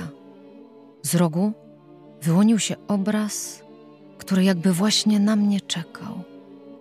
Był to święty Sebastian Guido Reniego, znajdujący się w Palazzo Rosso w Genui. Na tle majaczącego w oddali posępnego lasu i ciemnego nieba w tycjanowskim stylu, czarny, lekko pochylony pień służył za miejsce kaźni. Przywiązano doń nagiego młodzieńca wyjątkowej urody. Ręce miał skrzyżowane wysoko nad głową, a nadgarstki przywiązane sznurem do drzewa. Poza tym nie było widać żadnych więzów, a jedynym nakryciem jego nagiego ciała była biała, zgrzebna tkanina, luźno owinięta wokół bioder.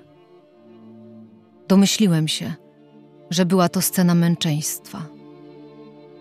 Jednakże obraz umęczenia świętego Sebastiana namalowany przez późno-renesansowego malarza, estetę ze szkoły eklektycznej, miał w sobie wysoce pogański wydźwięk – a to dlatego, że na ciele, którego urodę można było przyrównać do pięknego Antynousa, brak było śladów misjonarskich trudów czy zmęczenia widywanych u innych świętych.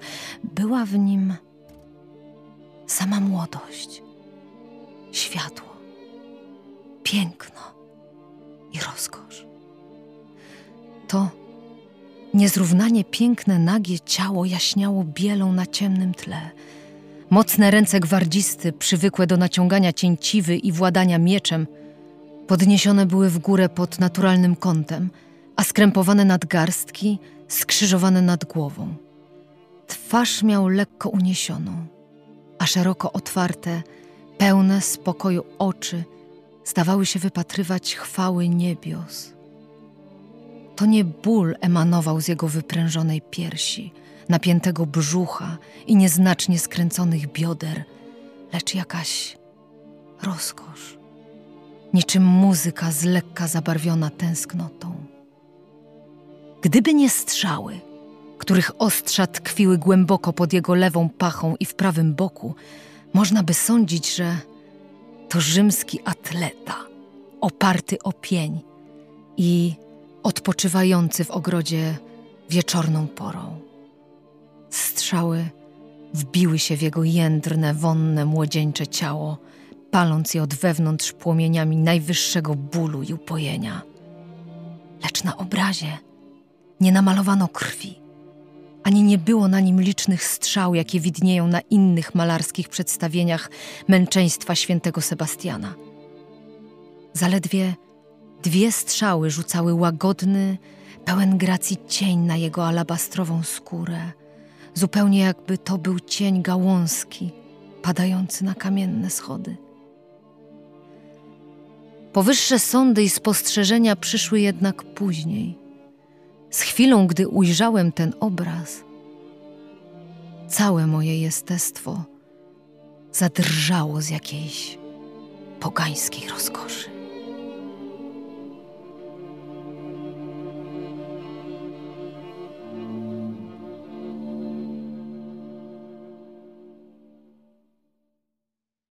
Dwa obrazy i dwie fascynacje młodego Mishimy. Obraz przedstawiający rycerza, który okazuje się kobietą, drugi to obraz konającego świętego Sebastiana, który to obraz stał się obiektem jego pierwszej seksualnej ekscytacji. A w tle muzyka Filipa Glasa z filmu Mishima, Życie w czterech rozdziałach Paula Schroedera. Wyznanie maski to jest e, jedna z najbardziej znanych książek napisanych przez Misimę, w której e, autor zanurza się bardzo głęboko w swoją seksualność. Opowiada o swoim homoseksualizmie, o fantazjach, w których obecna była krew i śmierć. Śmierć miała erotyczne znaczenie dla Misimy, była bardzo ważnym elementem jego seksualności, ale nie tylko seksualności, o czym będę rozmawiać z moim gościem, którym jest Maciej Komorowski, japonista, fotograf, znawca japońskich kulinariów, ale co najważniejsze dziś tłumacz dzieł Misimy. Dzień dobry. Dzień dobry. Ale na początek e, chciałam odnieść się jeszcze do tego fragmentu, który przed chwilą słyszeliśmy. Czytany przez kobietę. Ciekawa jestem, e, co na taką interpretację powiedziałby sam autor, biorąc pod uwagę, w jakim kierunku szło jego myślenie później, zarówno o ciele, jak i o sztuce. No ale jako dziecko, o czym zresztą e, pisał w wyznaniu maski, przebierał się za kobiety. Myślę, że dla samego Misimy y, największy powab miało jednak y, umęczone ciało męskie. On o tym pisze zarówno w y, wyznaniu maski, jak i wraca potem do tych wątków w Słońcu i Stali w swoim późnym eseju z drugiej połowy lat 60. To męskie ciało miało dla Misimy ten wyjątkowy czar. Tutaj od razu tak ośmielę się zaproponować interpretację tego przebierania się e, za, za kobiety przez Misimę. Misima był wychowywany był przez e, swoją babcię, bardzo surową, bardzo specyficzną kobietę, która odebrała Misimę rodzicom i właściwie zabroniła mu e, kontaktów ze światem zewnętrznym. Więc młody chłopiec zamknięty, zamknięty w domu swojej schorowanej babci, szukający powiedzmy nawet nie tyle wrażeń, ile próbujący w jakikolwiek sposób odkrywać rzeczywistość, która go otacza, no, mógł sięgnąć po, po, po, po, po damskie stroje, yy, przymierzyć się. Ale wydaje mi się, że to, że to jest fałszywy trop. Jakby nie chciałbym iść yy, w stronę tutaj trans, bo to chyba nie jest trop związany z Misimą do końca. Wywołał pan bardzo ważną postać, e, kobiecą postać zresztą w życiu e, Misimy. Właściwie dwie postaci, bo powiedział pan o babci.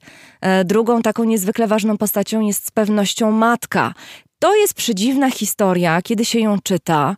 Y, babcia, która przywłaszcza sobie wnuczka, można powiedzieć, że zabiera go rodzicom, to ona wychowywała Misimę w ciemnym pokoju z wiecznie opuszczonymi zasłonami. Chora babcia, histeryczna kobieta, która miała obsesję na punkcie swojego wnuka. No i tak wyglądało dzieciństwo Misimy, tak wyglądała pierwsza część jego życia. Jeśli pozwoli pan, to zacytuję krótki fragment książki Johna Natana, książki biograficznej poświęconej życiu i twórczości Misimy. I w fragmencie tym mówi matka Misimy. Teściowa stała nade mną, kiedy karmiłam Kitty Makego, mierząc czas kieszonkowym zegarkiem, który zawsze miała przy sobie. Gdy wyznaczony czas upłynął, wyrywała go i zanosiła z powrotem do swojego pokoju na dole. Leżałam w łóżku, marząc o tym, żeby przytulić Kimitakę i móc nakarmić go dosyta. Tutaj od razu powiemy, że Kimitake to jest prawdziwe imię Misimy. Przerażający fragment i trudno nie odnieść wrażenia, że taka przemoc emocjonalna, której doświadczył Mishima w tak wczesnym okresie swojego życia, miała wpływ na to, kim on się stał później. Oczywiście, mamy tutaj nie tylko, mm, pani mówi o przemocy, można to nawet trochę delikatnie nazwać po prostu chłodem, straszliwym chłodem emocjonalnym, ale też niebywałą kontrolą, tak? Ten zegarek kieszonkowy w dłoni y, babci, która wydziela czas na karmienie, jest no, takim chyba najlepszym przykładem emocji odmierzanej co do sekundy, tak? Mówimy o karmieniu, o tej więzi matki z noworodkiem. no, Mishima jest tego zupełnie, zupełnie pozbawiony.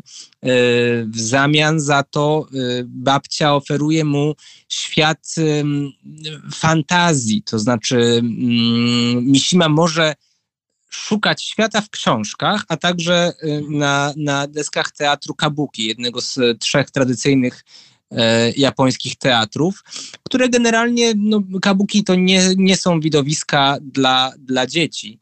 No ale dla Mishimy to chyba były y, naj, naj, najbardziej czarujące wydarzenia, na jakie mógł sobie wtedy no, nie tyle on pozwolić, tylko na które pozwalała mu właśnie y, babcia. No tak, te książki, które rzeczywiście były źródłem jego rozmaitych fascynacji, co zresztą słyszeliśmy przed chwilą w tych dwóch wybranych fragmentach wyznania maski. E, specjalnie zestawiłam ze sobą książkę, która była obiektem, no takiej można powiedzieć wręcz obsesji e, Mishimy, kiedy miał 4 lata, a później ten album, w którym znalazł reprodukcji obrazu przedstawiającego świętego Sebastiana, to jest już Mishima, który jest młodym mężczyzną, który eksploruje swoją seksualność. Więc można powiedzieć, że ta intymność Mishimy, która jest tak bardzo ważna dla jego literatury, była odkrywana w literaturze, była eksplorowana w literaturze. Tak, ale jednocześnie e, tym bardziej istotne dla Mishimy były wszystkie elementy, które możliwe, że dla kilkuletniego dziecka wtedy jeszcze pozbawione erotycznych konotacji, ale wszystkie te elementy, które wyrywkowo tylko Mishima był w stanie e, zauważyć w otaczającym go świecie rzeczywistym. I o tym pisze na początku wyznania maski, jako człowiek no, obdarzony wyjątkową świadomością, taką samoświadomością, ale też pamięcią, wraca, wraca do wspomnień z wczesnego dzieciństwa i opisuje tam zazwyczaj postaci męskie, związane z ich jakąś taką specyficzną fizycznością. To znaczy są to ludzie parający się jakimiś niezbyt czystymi zawodami, którzy, albo na przykład tacy, którzy są spoceni, zmęczeni, albo ogarnięci jakimś e, szałem, takim wręcz e, dzikim widem w trakcie Matsuri, czyli, czyli letniego festiwalu.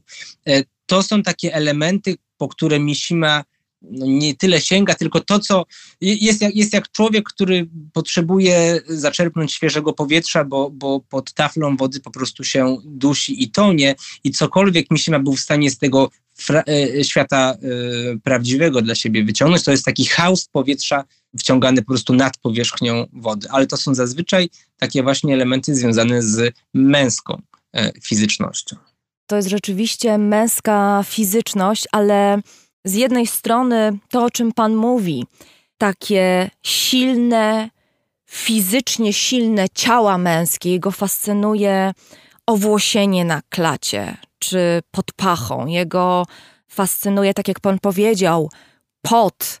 Jego fascynują jakieś nieczystości. Z drugiej strony fascynuje go krew, fascynuje go śmierć. I ta śmierć chyba pojawia się jeszcze przed erotyką, kiedy on e, opowiada rzeczywiście o tym, jak intuicyjnie wybierał te bajki, w których rycerze ginęli, ginęli piękną śmiercią, i to była dla niego no, taka dziecięca ekscytacja. Zastanawiam się, skąd ta śmierć się wzięła w jego życiu. Czy to były takie wewnętrzne psychologiczne inklinacje, czy jednak możemy szukać y, źródła w domu, w tych y, ciemnych pokojach, w tej schorowanej babci, w tym zamknięciu Mishimy? Jak najbardziej tak. To znaczy, myślę, że, że choroba i to taka choroba, która starszą babcię przybliżała ku, ku nieuchronnej śmierci, no to, to był jakby codzienna, codzienna atmosfera domowego życia Misimy.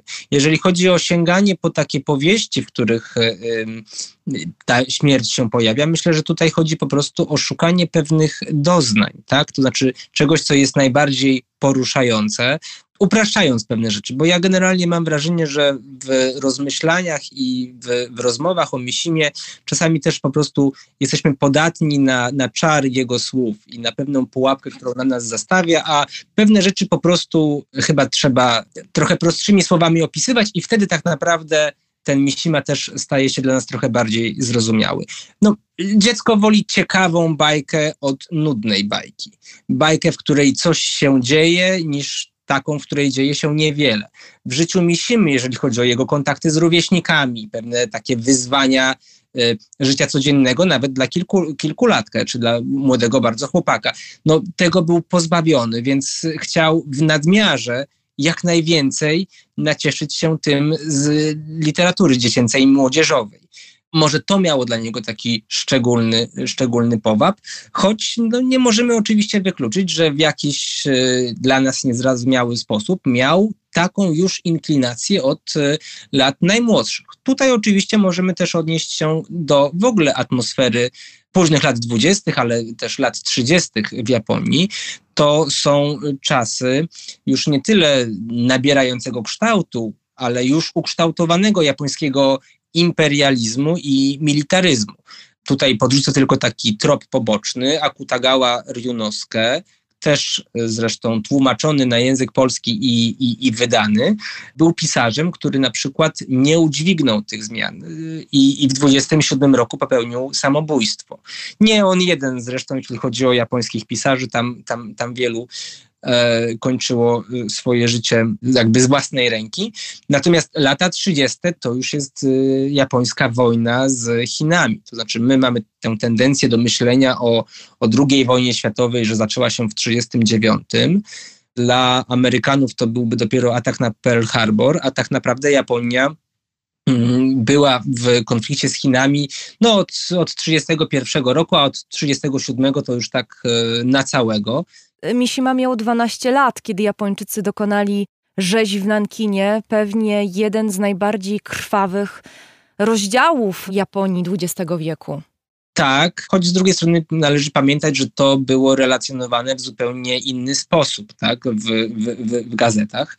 I jest jeszcze jedno inne wydarzenie, kiedy Mishima miał lat 11, bo Nanking to jednak jest um, odległe miasto, ale w 1936 roku, w lutym, w samym Tokio, tam gdzie zresztą urodził, wychował się i, i, i żył Mishima, e, doszło do e, zamachu stanu. E, młodzi oficerowie do których potem Mishima będzie wracał w swojej twórczości lat 60., próbowali dokonać coup d'etat i jeszcze mocniej jakby ustanowić władzę wielkiego cesarza, boskiego cesarza, by, by Japonia była jeszcze większa, tak? W sensie no, jeszcze dumniejszym krajem. Tak, tak to powiedzmy. Tak? Pewne, pewne zmiany nie były dla nich dostatecznie szybkie.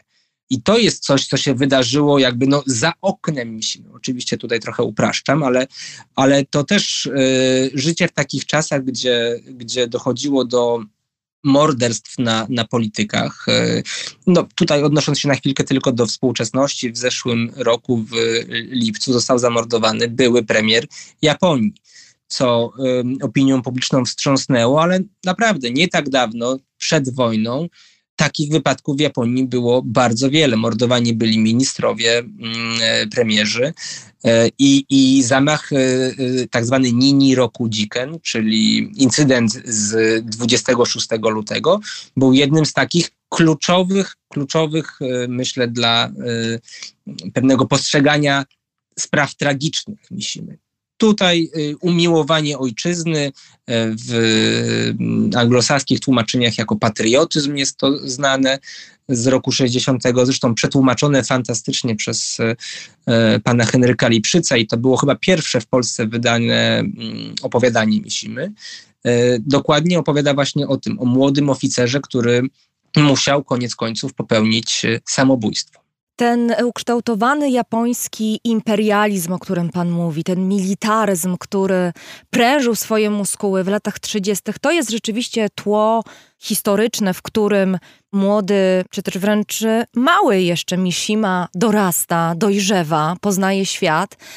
Ale ta jego pierwsza ważna książka, Wyznanie Maski, na której się skupiamy w tej naszej pierwszej części rozmowy, opowiada o tym, jak dorastający chłopak odkrywa swoją seksualność, eksploruje swój homoseksualizm, nie zgadzając się na niego, czując, że jest inny od otoczenia, od rówieśników, to jest jakaś psychologiczna walka, którą Mishima prowadzi sam ze sobą.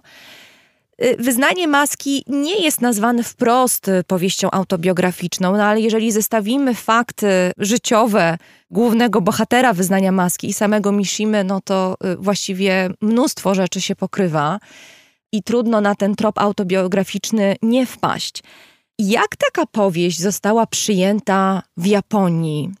Biorąc pod uwagę nie tylko nastroje polityczne, ale również pewną specyfikę społeczną, kulturową Japonii pierwszej połowy XX wieku, bo to jest powieść bardzo odważna. To jest powieść niezwykle przesycona no, taką seksualną szczerością. Ten seksualizm Mishimy wchodzi momentami w tony sadomasochistyczne, a mamy tutaj do czynienia z Japonią roku 49.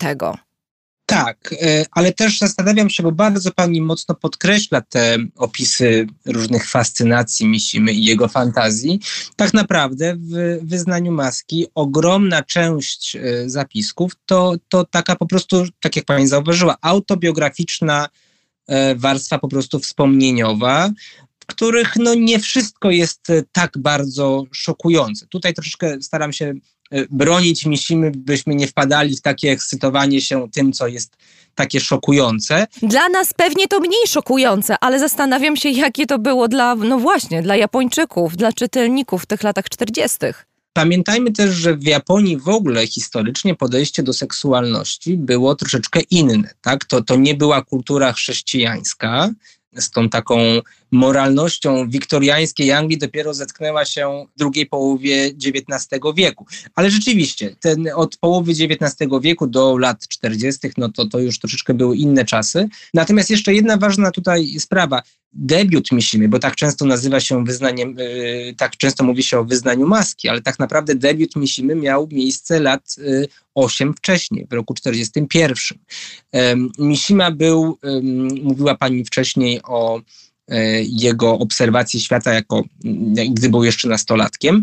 Mishima był absolutnie wyjątkowym nastolatkiem. To znaczy jego pierwszy, e, jego pierwszy utwór e, napisany w roku 1941 został przyjęty bardzo przychylnie, ale tylko przez krytyków. I właściwie lata 40. to jest pisarstwo Misimy, które trafia do bardzo, bardzo wąskiego grona odbiorców. Innych pisarzy, bądź też y, ludzi związanych po prostu z literaturą i krytyków.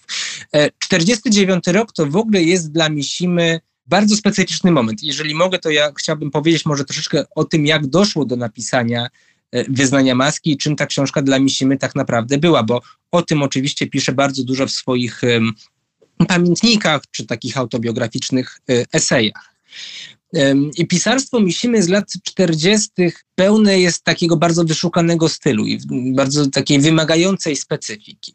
Ale też po zakończeniu wojny błyskawicznie staje się czymś kompletnie anachronicznym i jakby niezgodnym zupełnie z zeitgeist, z, z, z duchem y, tych nowych czasów powojennych, gdy Japonia zaczyna być okupowana przez Amerykę i, i przewartościowaniu ulega cała japońska mentalność. Mishima wielokrotnie jakby w swoich wspomnieniach y, zapisuje, że, że, że on się w tym czasie nie jest w stanie od, odnaleźć, tak? To znaczy, że jego romantyczne wizje i marzenia, że, że, to, że to jakby nie przystaje do współczesności i w sposób taki przesadnie elokwentny, ale też taki trochę Ech, no nie chcę tego nazwać, ale mam ciągle na końcu języka wyraz farmazony, tak? No Mishima na przykład pisze takie rzeczy, że cóż by się stało, gdyby spadł na nas i teraz grad bomb atomowych, jedyne co dla mnie w życiu jest ważne to piękno. Więc w pewien sposób tak o tych swoich marzeniach śmierci pisze górnolotnie, ale tak naprawdę y, no to są to tylko słowa co, co, co y, fantastycznie myślę, że i to jest dla, dla Mishimy ogromnym szokiem, ale w sposób bardzo trafny udowadnia mu to Dadzaj Osamu. Inny, bardzo wpływowy i bardzo głośny pisarz japoński, który w roku 1948 popełnia samobójstwo. To jest jego już któraś z kolei próba, bodajże czwarta i pierwsza i ostatnia udana Dazaj był pisarzem skandalistą z taką niebywałą inklinacją do samozagłady, tak można powiedzieć ładnie, a można powiedzieć też, że był alkoholikiem i narkomanem po prostu. I ta jego ostentacyjna degrengolada w pewien sposób jakby demaskowała i ośmieszała tę taką romantyczną chorobę Misimy, który mówił, och, jak ja bym chciał umrzeć, jakieżby to było piękne, podczas gdy Dazaj po prostu się zabił. E, zresztą razem ze swoją kochanką. I w tym momencie Misima, jakby to jest dla niego tak wielkim szokiem, że Misima e, chyba decyduje o tym, żeby swoje życie przewartościować. To znaczy, kończy co prawda e, Wydział Prawa i trafia na staż na bardzo prestiżowym stanowisku do Ministerstwa Finansów, ale rzuca to. Rzuca to i decyduje się, że zostanie pisarzem, i efektem tego jest właśnie wyznanie maski. Pierwsza, pierwsza powieść, ale taka, która nie trafi tylko i wyłącznie do krytyków, tylko trafi do wszystkich. Mishima pisze o tym jako o samobójstwie Areburo, takiej odwrotności samobójstwa. I celem w tej książce był powrót do życia. I ma pani oczywiście rację. Czy w tej książce jest y, bardzo y, dużo estetyki krwi, takiej metafizyki śmierci. To są, to są terminy ukute przez krytyka Noguciego Takehiko, który podkreśla, że Mishima nie odrzuca tej estetyki krwi i nie odrzuca metafizyki śmierci, tylko po prostu to wyjawia. I to rzeczywiście było z jednej strony dla Japończyków przyswajalne o tyle, że powieść Mishimy e, wpisywała się w bardzo popularny od dawna w Japonii kanon tak zwanych shi-shosetsu, to znaczy powieści o sobie, e, no po prostu pisanie o sobie, a jednocześnie miała w sobie ten bardzo ekscytujący element, o którym pani wspominała, to znaczy była niezwykle szczera. E, Mishima w listach do wydawcy mówi, że po prostu skieruje na samego siebie skalpel i że na samym siebie za życia e, przeprowadzi sekcję. Mówiąc, że będzie zarówno katem, jak i ofiarą. No tutaj znowu ucieka się do swoich pięknych słów, bo e, kat i ofiara, bycie katem i ofiarą to oczywiście za, za Bodlerem w kwiatach zła. No ale tak, to jest odwrotność samobójstwa. Mishima zresztą porównuje to do takiego puszczenia do tyłu filmu nagranego, w którym powiedzmy ktoś rozbijałby się, skakałby z klifu i rozbijałby się o skały, no ale jak puścimy to nagranie od tyłu, no to cudownie jakaś moc tego człowieka y, oszczędza, tak, i z powrotem wypycha go na górę klifu. Tym dla Mishimy była ta książka. To znaczy, choć jest to wyznanie maski, w pewnym sensie jest to i zrzucenie jednej z masek, I nałożenie tak? kolejnej. wyjawia mm -hmm. i nałożenie kolejnej. Tak. I nałożenie kolejnej. Więc tutaj istotne jest to, że 49 rok to jest zakończenie tej y, twórczości y, z pierwszej dekady, jakby jeszcze takiej nie do końca ukształtowanej twórczości Misimy i wejście w świat wreszcie kontaktu z rzeczywistością. I to myślę, że tutaj jest bardzo istotne dla rozumienia e, wyznania maski w kontekście no, kolejnych dwóch dekad życia Mishimy. Powiedział Pan o tym, jak kapitulacja Japonii wpłynęła na Japończyków, jaki to był szok. Dla Mishimy również, jak e, takie romantyczne upojenie śmiercią zostało, no i tutaj nomen omen zdemaskowane w pewien sposób w tych latach e, powojennych, w tych latach upokorzenia dla wielu. E, I to jest bardzo, wydaje mi się, ciekawy też moment dla Mishimy, bo on rzeczywiście o śmierci, o takim pragnieniu śmierci, o tej śmierci romantycznej, o tej śmierci takiej pięknej, bardzo dużo pisze, a jednocześnie, kiedy trwa wojna, on unika służby wojskowej, uchyla się przed pójściem na front. I to jest chyba taki moment y, dla niego, no właśnie nie wiem, traumatyczny, czy jakiś punkt zwrotny w jego myśleniu o sobie jako o pisarzu, o funkcji słowa, ale również o tym, czym jest śmierć. Może o tej fascynacji śmiercią z takiego romantycznego punktu widzenia spróbujmy troszeczkę sobie to na nasze polskie warunki w jakiś sposób przetłumaczyć. Tak? Może łatwiej nam będzie zrozumieć tę inklinację Misimy, ale także potem jego, no nazwijmy to, reiteradę. Przecież mamy także pewien romantyzm śmierci w naszej polskiej kulturze. Tak? I możemy sobie wyobrazić, że lat temu 100, a może troszeczkę więcej. No, y, młodzi, młodzie, znaczy młodzieńcy śpiewali tak o mój rozmarynie i piosenki typu jak to na wojence ładnie, kiedy ułan z konia spadnie, a koledzy go nie żałują, tylko końmi go tratują, no to wszystko brzmi pięknie niby, tak? tak, tak ta, ta śmierć jest jak, ma jakiś taki powab w sobie, bardzo romantyczny. Natomiast y, y, Mishima rzeczywiście był przekonany, że on po prostu zginie. Ta, ta Japonia szła ku totalnej, totalnej jakby klęsce, porażce. No w pewnym stopniu jakby ta Japonia rzeczywiście zginęła, tak? Ta Japonia y, oparta na służbie y, boskiemu cesarzowi, y, ona przepadła, tak? W momencie, kiedy cesarz został po wojnie już zmuszony przez Amerykanów, by wyznać, wyznać e, społeczeństwu na falach radia, że nie jest Bogiem. To tutaj znowu próbuję to do naszego kontekstu kulturowego y, odnieść. Wyobraźmy sobie papieża, któregokolwiek, nie musi być obecny, ale niech, niech, niech papież powie, że ma coś bardzo ważnego do, do, do, przekazania i że chciałby, żeby wszyscy ludzie się zgromadzili, czy to na placu Świętego Piotra, czy przed telewizorami. I powiedziałby na przykład, wiecie co, tak naprawdę to, to nie, no to, to, to nieprawda wszystko. No to byłby szok. Ja mówię o naszym świecie chrześcijańskim, katolickim, tak? Proszę sobie wyobrazić, dla jak wielu ludzi, rodzin, zawaliłby się świat. I to teraz, w czasach powiedzmy, no chciałem powiedzieć, kurczę, w czasach pokoju, ale to nie do końca prawda. No ale chodzi o to, że 46 rok to był moment, kiedy wszyscy jeszcze pamiętali, jak, jak straszliwą ofiarę ponieśli w tej wojnie zwykli ludzie, po prostu, którzy wierzyli, że, że tak trzeba. E, matki muszą oddawać trzeciego, czwartego, piątego syna kolejnego na front, na zupełnie bezsensowną śmierć, na przykład w oddziałach Tokkotej, czyli w oddziałach specjalnych e, kamikadze, bo tego wymaga boskość cesarza, który to ledwie rok później powie, no nie, tak naprawdę to ja tym cesarzem nie jestem. Tak, jestem, ale nie jestem boski. Tak, tak, tak, tak.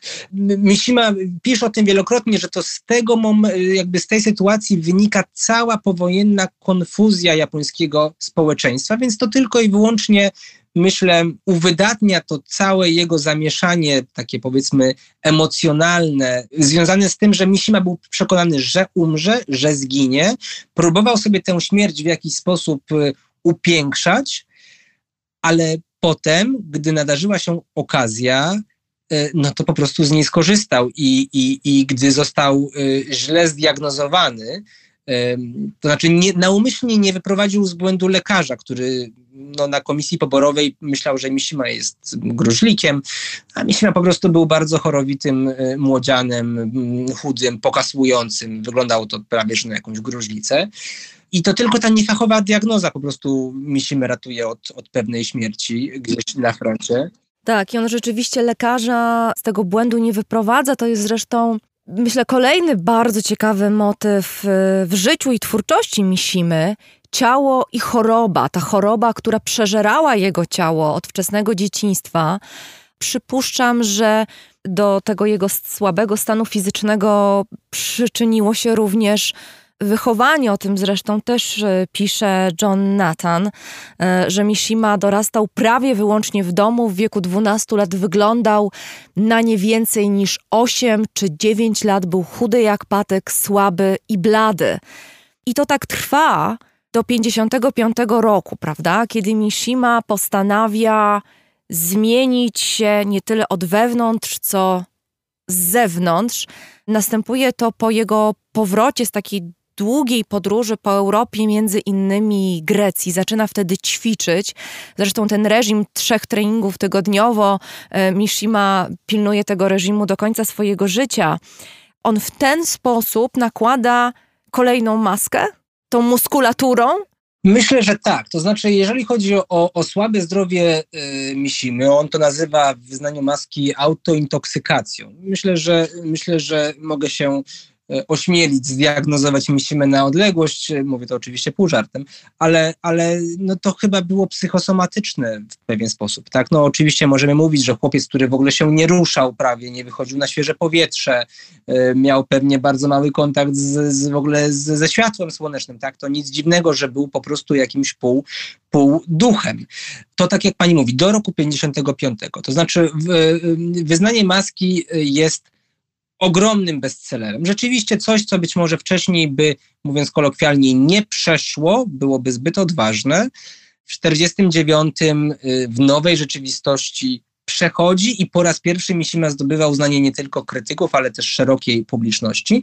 I to jest tak naprawdę początek nieprzerwanego niczym pasma sukcesów literackich, bo tam się pojawiają kolejne książki, to znaczy jest Pragnienie Miłości, jest kindziki, czyli zakazane barwy. Mishima rzeczywiście potem wyrusza w podróż dookoła świata i wydaje mi się, że to Grecja jest dla niego takim przełomowym, przełomowym miejscem. Tutaj możemy sobie wrócić oczywiście do tego, o czym pani już mówiła, to znaczy obraz Renegido, y, święty Sebastian, przepiękny młodzieniec, oczywiście półnagi, y, umęczony strzałami y, i, i, i skonfrontować to, tę fascynację męskim ciałem z tym, co Mishima mógł wreszcie na własne oczy, a nie tylko na reprodukcjach w albumie, obejrzeć w Grecji, tej antycznej, klasycznej, dostrzegających, dostrzegającej harmonię i piękno e, męskiego ciała.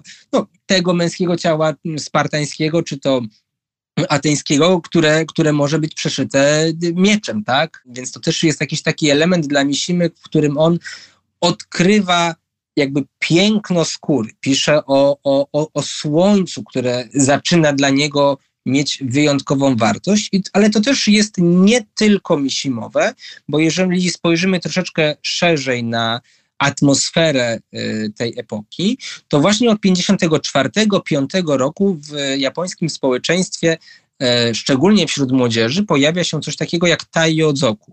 To jest plemię słońca.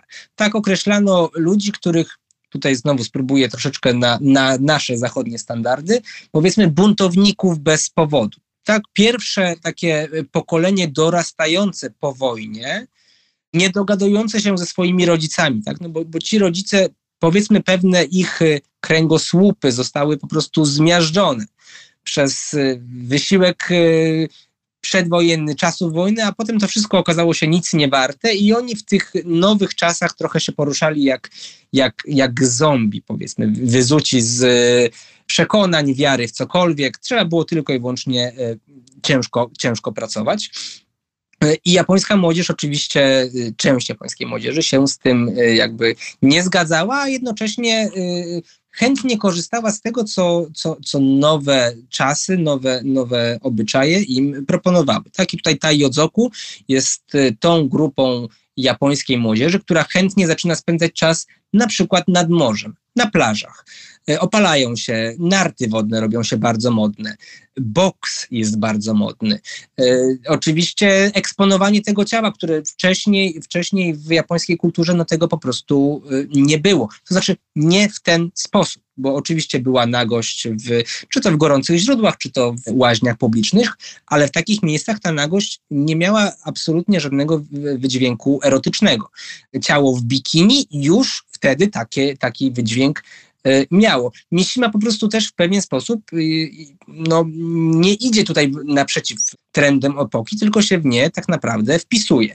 I od 55 roku y, zaczyna trenować y, pływanie, boks, podnoszenie ciężarów i dopiero później dochodzą sztuki bardziej tradycyjne jak karate czy kendo, to jest japońska szermierka e, na miecze bambusowe. I też właściwie pytanie, czy, czy to jest kolejna maska Misimy, czy po prostu jest, y, y, był człowiekiem bardzo złożonym, mającym wiele no właśnie może nie masek, może po prostu twarzy, tak?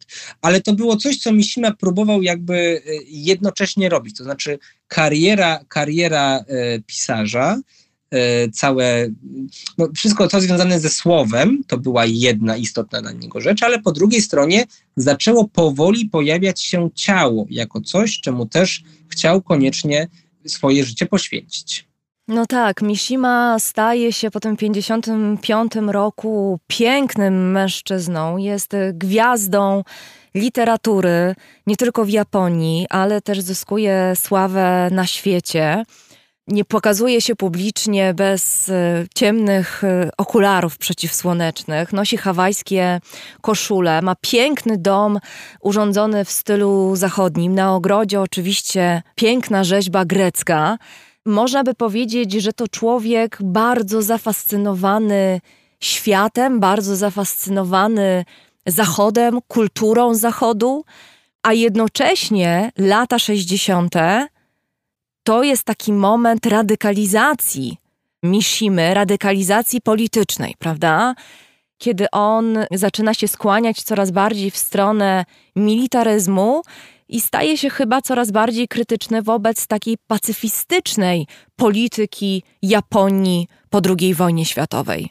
To prawda, ale żeby zrozumieć y, tę zmianę, która nastąpiła y, właściwie w roku 60, czy też pod koniec 59, musimy się znowu troszeczkę cofnąć do, do lat 50. Ja bardzo chciałbym, y, żebyśmy byli w stanie spojrzeć na twórczość Misimy rzeczywiście w tych trzech blokach, trzech kolejnych dekad.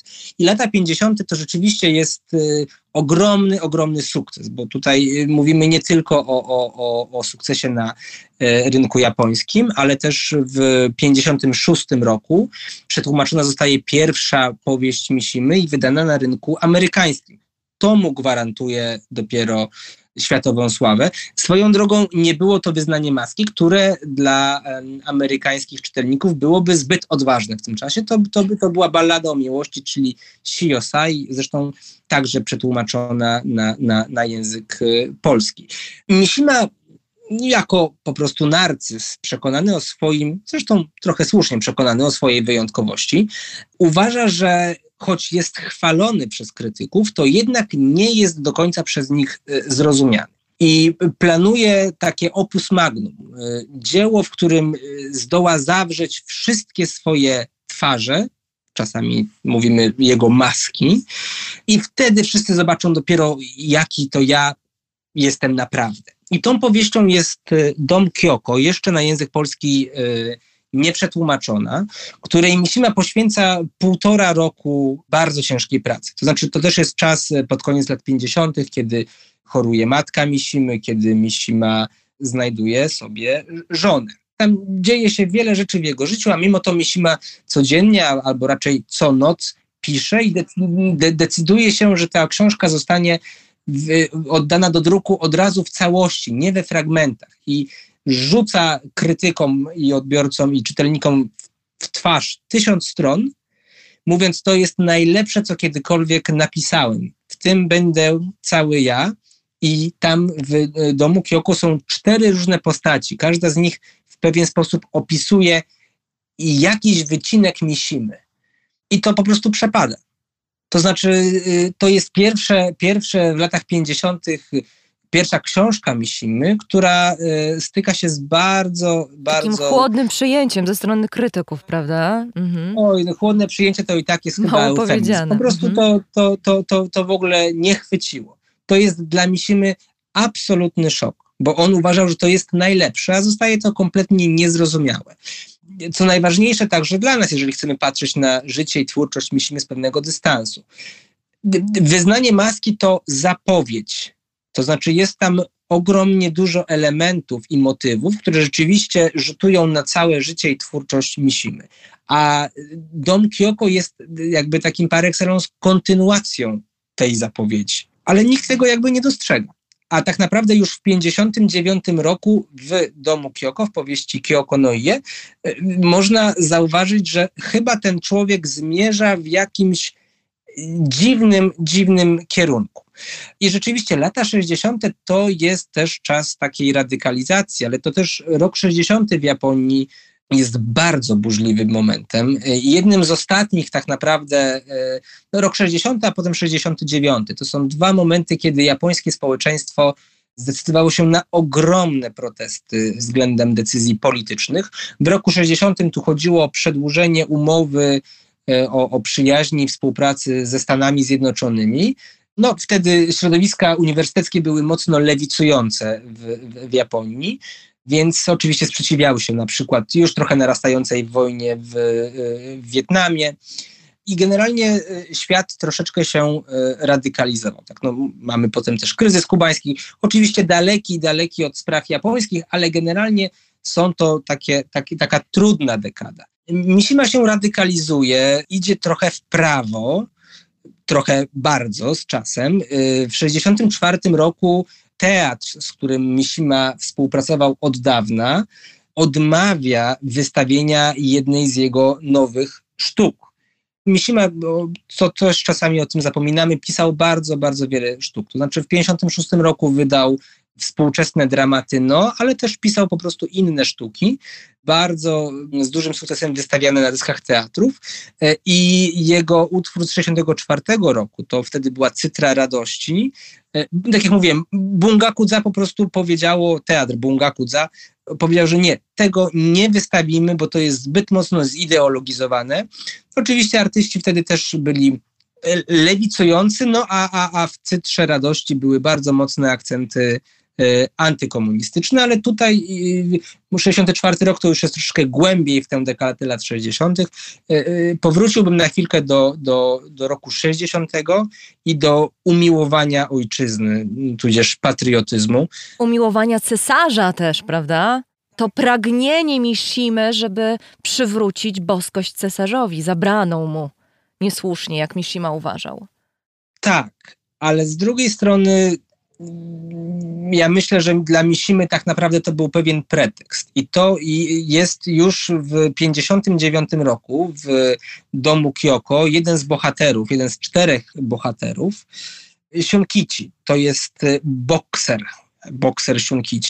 Wplątuje się w jakieś takie właśnie prawicujące e, towarzystwo, ale mówi otwarcie, że tak naprawdę on w tę ideę nie wierzy że on ją tylko wykorzystuje jako narzędzie, bo ta idea daje mu poczucie walki z czymś, choćby i wyimaginowanym, a dzięki temu poczuciu walki on czuje ekscytację, że obcuje ze śmiercią.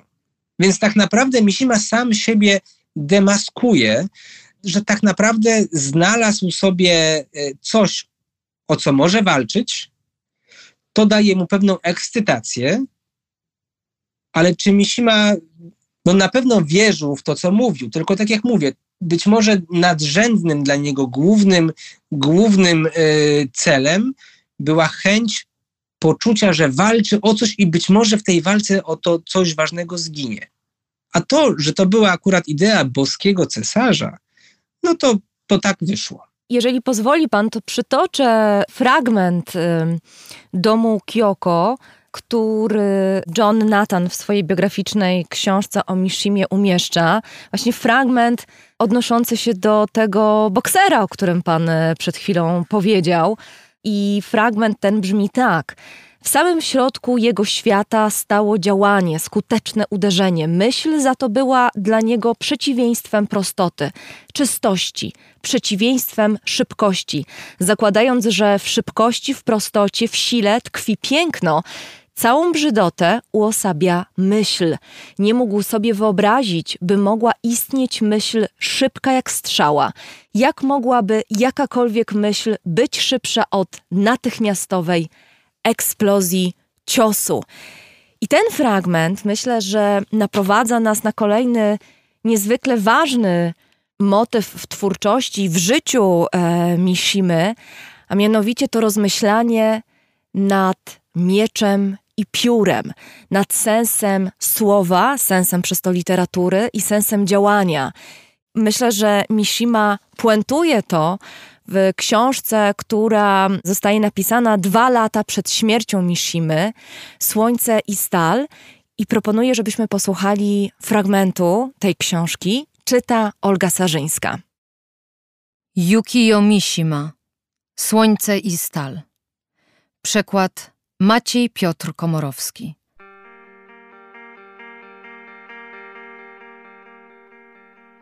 W okresie powojennym, gdy wywrócono wszystkie wartości, uważałem i mówiłem o tym ludziom, że oto nadszedł czas na ożywienie dawnej cnoty Bunburiodo, wspólnej drogi pióra i miecza, jedności sztuki i działania. Potem opuściło mnie na jakiś czas zainteresowanie tym tematem, aż stopniowo, za sprawą słońca i stali, zacząłem pojmować sekretne reguły szkicowania słów przy pomocy ciała, zamiast rysowania ciała przy pomocy słów i utrzymywania w sobie równowagi pomiędzy dwiema przeciwnościami, tak jakby cały mechanizm mojego istnienia przełączył się z prądu stałego na zmienny. Powstała we mnie struktura obejmująca oba bieguny, oba wciąż ścierające się elementy, które ciągnąc w przeciwne strony, zdawały się tylko potęgować me wewnętrzne rozdarcie, ale w rzeczywistości, w każdym momencie, tworzyły tętniącą równowagę, która nieustannie ulegała zniszczeniu i znów wracała do życia. Zawarcie w swoim jestestwie obu rywalizujących z sobą przeciwieństw oraz gotowość na sprzeczność i zderzenia to właśnie była moja droga pióra i miecza. Wyglądało na to, że po raz pierwszy wydał plon mój dawno wzbudzony entuzjazm wobec przeciwieństwa reguły pióra. Jeśli istnieje zasada miecza, głosząca, że żarliwe pożądanie śmierci nie jest bynajmniej powiązane ze znużeniem życiem lub brakiem sił, lecz odwrotnie, właśnie z buzującą siłą, wspaniałością pełni życia i wolą walki, to czyż nie jest to najważniejszym zaprzeczeniem zasady pióra? Ta ostatnia opiera się na poskromieniu śmierci, która jednocześnie wykorzystywana jest jako siła napędowa. Siłę z kolei zaprzęga się do wznoszenia fikcyjnych konstrukcji. Życie jest na wodzy, trzymane na zapas, mieszane ze śmiercią w rozsądnych proporcjach, pudrowane konserwantami i zużywane przy produkcji dzieł sztuki zachowujących podejrzanie długą żywotność. Można na to spojrzeć jeszcze inaczej. Porządek miecza stanowi, że kwiat przymija w rozkwicie. Literatura zaś tworzy kwiaty, które nie więdną. Nie więdną zaś tylko kwiaty sztuczne.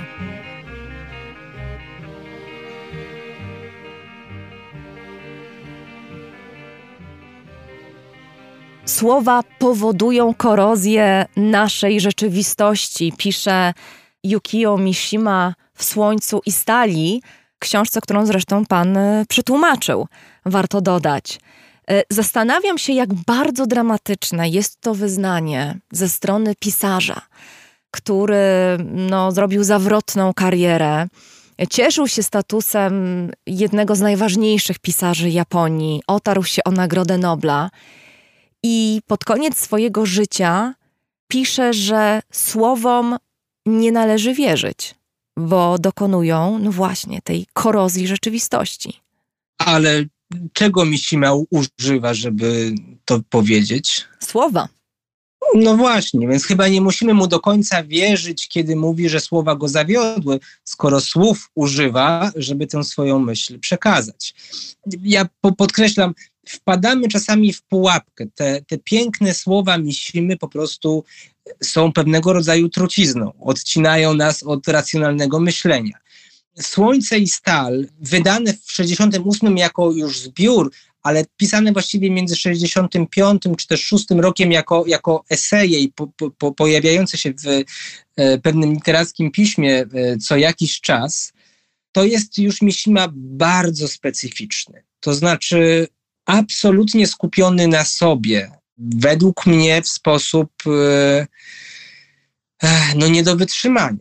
Bardzo, bardzo Pani dziękuję za przebrnięcie przez, przez to, co ja tłumaczyłem zresztą dość długo. Ale ja też wydaje mi się, że, że jeżeli czytamy y, Słońce i Stal z uwagą, to może to też jest tak naprawdę odtrutka na, na zachwyt Misimu. To znaczy, no w pewnym sensie on się tam demaskuje. Nie tylko, nie tylko dlatego, że pisze już o, o swoim samobójstwie w sposób bardzo otwarty. O ile wcześniej o tym pisał pod koniec lat 40. Yy, i wyznanie maski było samobójstwem, ale arebur, na, na odwrót. Yy, są te motywy w 59 roku w domu Kioko. To w 68 powiedzmy dla uproszczenia w, w Słońcu i Stali Mishima już pisze bardzo wprost on zapowiada tak naprawdę, co zrobi dwa lata później, prawda? Tak, choć te, ta zapowiedź jest, tak jak mówiłem wcześniej, już w 49. To, to, to wyznanie maski jest zapowiedzią, dom Kyoko kontynuacją, a Słońce i Stal jest tylko takim domknięciem. W pewnym sensie, w, no, no, no, no nie może nie postawieniem kropki e, nad i, bo tym będzie zakończenie e, tetralogii Płodnego Morza, albo też Morza Płodności i samo samobójstwo myślimy w roku, w roku 70. Natomiast gdyby tylko brać na serio to, co Mishima pisał w Słońcu i Stali, no to już, już wtedy było wiadomo, że on nie zamierza umrzeć e, śmiercią y, naturalną. No tak. I on też mówi przed swoim samobójstwem, informuje listownie swoich bliskich, że chce umrzeć jak wojownik, a nie jak literat. I w tym sensie no to już nie są tylko słowa, jak pan mówi, trujące być może słowa, które zwodzą czytelnika i zwodzą nas, tylko to jest wyznanie bardzo wprost, które w 1970 roku na oczach, można powiedzieć, całego świata Mishima zrealizował.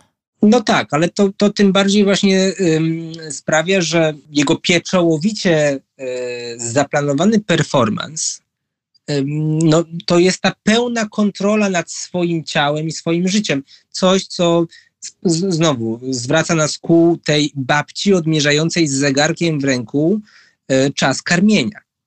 Pełna kontrola. Nie ma, nie ma e, e, ani odrobiny przestrzeni na coś niezaplanowanego. I ja się tutaj nie, nie, nie boję użyć słowa performance. Ta śmierć Mishimy była performance. Powiedzmy o niej trochę więcej. O samym wydarzeniu z, tak, z listopada tak, roku tak. 70. Mishima już w drugiej połowie lat 60. zakłada takie stowarzyszenie, Stowarzyszenie Tarczy. Tatenokai. To taka jego prywatna, na poły, na paramilitarna grupa młodzieży, oczywiście tylko młodzieży męskiej, żeby nie było wątpliwości, skupiająca osoby, które miały interesować się losem Japonii, które też chciałyby wzbudzić tego wojowniczego ducha i dumę e, narodu japońskiego. No ale to ma wszystko, pod, to podszyte jest jakimiś takimi trochę e, dziwnymi motywami. To niektórzy nazywali to wszystko błazenadą, tak? No były przepięknie zaprojektowane mundury y, dla, dla tej, powiedzmy w cudzysłowie, armii. Przez francuskiego projektanta chyba, prawda? Tak, tak, tak, tak. To, to Pierre Cardin. Tak, tak. No, oni ćwiczą razem z japońską armią, która oczywiście armią się nie nazywa, tylko mm, są to japońskie siły samoobrony. Niemniej jednak to, co mówiłem już wcześniej przy okazji Siunkiciego, postaci z domu Kyoko, to dla Mishimy po prostu jest narzędzie. To dla niego jest pewna wymówka. Mishima ma swoje własne, bardzo skomplikowane y, potrzeby, potrzeba piękna, potrzeba wysiłku fizycznego, po, potrzeba poczucia, że to po piękno może zostać zniszczone i to ma także dla niego pewien taki erotyczny wymiar. Więc to, co się zdarzyło w roku 70 i tak jak mówię, co było pieczołowicie zaplanowane, no to jest po prostu spełnienie y, y, fantazji myśli. Bardzo publicznie, bardzo spektakularnie, prawda? To samobójstwo zostało y, dokonane przez Mishima. 25 listopada roku 70 Mishima umówiony jest na spotkanie z y, japońskim generałem. Generał Mashita to było w Ichigai, niedaleko Shinjuku. Znawcy, znaczy znawcy, y, pasjonaci Japonii będą znali to miejsce, to jest niedaleko y, Shinjuku. Wciąż, wciąż ten ośrodek japońskich sił a samoobrony tam, tam stoi. Mishima zabiera na spotkanie czterech swoich podopiecznych, oczywiście z tego stowarzyszenia tarczy, i jakoby by przedstawić ich generałowi, e, mówiąc, że to są, to są e, jacyś wybitni, wybitne jednostki w tym stowarzyszeniu. Natomiast generał zostaje wzięty jako zakładnik. Wzięty jako zakładnik, przekazane zostają żądania Misimy, że wszyscy mają się zgromadzić na placu, że tam zostanie e, wygłoszone przemówienie. Przemówienie, w trakcie którego Misima próbuje pobudzić do działania e, japońskich żołnierzy, e, spróbuje, próbuje ich namówić do po prostu przewrotu. Takiego przewrotu, jak w 1936 roku młodzi oficerowie dokonali i, i polegli, to znaczy e, nie udało im się osiągnąć zamierzonych celów i popełnili seppuku. W ten sam sposób Mishima on wiedział, że to prawdopodobnie się nie, nie, nie, nie uda. Natomiast była to jeszcze większa klapa niż zakładał. To znaczy nad głową krążyły helikoptery, fotoreporterzy. Nic nie było słychać. Nic nie było słychać. No, no to jest ten dramat. To jest ten dramat. Gdyby dzisiaj Mishima popełniał samobójstwo, prawdopodobnie chciałby z tego zrobić Insta Live'a i teraz proszę sobie wyobrazić ten dramat, że powiedzmy, no nie wiem, słaby internet, rwałoby się. Nie widzieliby dokładnie moich mięśni. Nie działałyby y, mikrofony, prawda? Obraz byłby zamazany, tak. To jest raczej to. Ja, ja dlatego tak sobie myślę, trzeba naprawdę, trzeba czytać y, i biografię Misimy, a szczególnie y, Słońce i Stal. Trzeba marszczyć brwi i głośno mówić, że to no to, to nie jest dobre. To znaczy Mishima dla własnych swoich fantazji ryzykował nie tylko swoje życie, bo już abstrahując od faktu, że on nie tylko sam jeden tam samobójstwo popełnił, był jeden z jego podopiecznych, był najprawdopodobniej kochankiem Mishimy i to podwójne samobójstwo odnosi nas do takiego bardzo ważnego literackiego, ale w ogóle też e, społecznego E, motywu w, w, w japońskiej kulturze, jakim jest shinju, podwójne samobójstwo z, z miłości ale tam były inne osoby ranne, tak? To znaczy um, oficerowie, którzy próbowali odbić generała e, Masite byli po, pokaleczeni mieczem, bo oczywiście Mishima przyniósł na to spotkanie miecz zabytkowy, prawdziwy miecz samurajski. Ten miecz, którym potem została odcięta Mishimie głowa. Mishima też się przygotowywał na taką ewentualność, że trzeba będzie generała Masitę zamordować. Więc y, tak jak mówię, dla, dla spełnienia swoich fantazji ryzykował życie innych ludzi. Panie Macieju, a proszę powiedzieć, w jakim stopniu według Pana to samobójstwo, o którym Pan mówi, bo mówi Pan wprost, że to było spełnianie fantazji Mishimy, prawda? Że on w pewnym sensie wykorzystywał różne idee y, po to, żeby móc zaspokoić te swoje fantazje. W jakim stopniu to samobójstwo można potraktować jako literacką puentę jego twórczości? Bo powiedział pan, że zapowiedzi tego były już bardzo wyraźnie e, zarysowane w wyznaniu maski, potem w domu Kyoko. No taka już wprost podpowiedź można znaleźć e, w Słońcu i Stali. I na końcu życia Mishimy to słowo rzeczywiście zmienia się w czyn, czyli mamy to, o czym Mishima pisał w Słońcu Stali i nazywał to językiem ciała. Ta śmierć, która jest nadrzędną regułą i spaja ciało i słowo, to rzeczywiście coś, o czym Mishima bardzo wprost pisze, no dopiero w Słońcu i Stali. I tam rzeczywiście też pisze wprost o śmierci, która jest ostatecznym potwierdzeniem istnienia. E, takim potwierdzeniem, które też scala ciało i słowa. Tutaj znowu to wszystko jest obudowane pięknymi słowami, ale można to uprościć. W momencie śmierci kończy się i ciało, i słowo.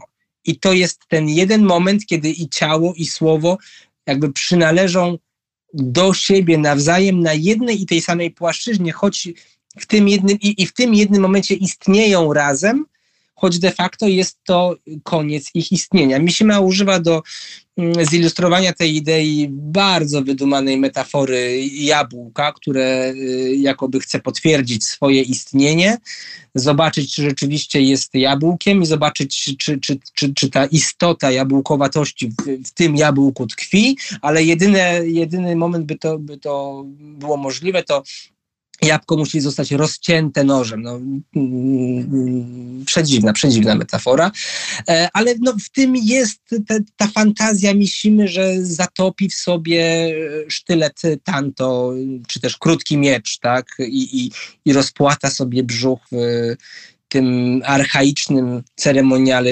śmierci. Sepuku. Tak, sepuku. Czasami używana jest nazwa harakiri, ale to jest termin i niepoprawny, i nieelegancki. Japończycy używają określenia seppuku.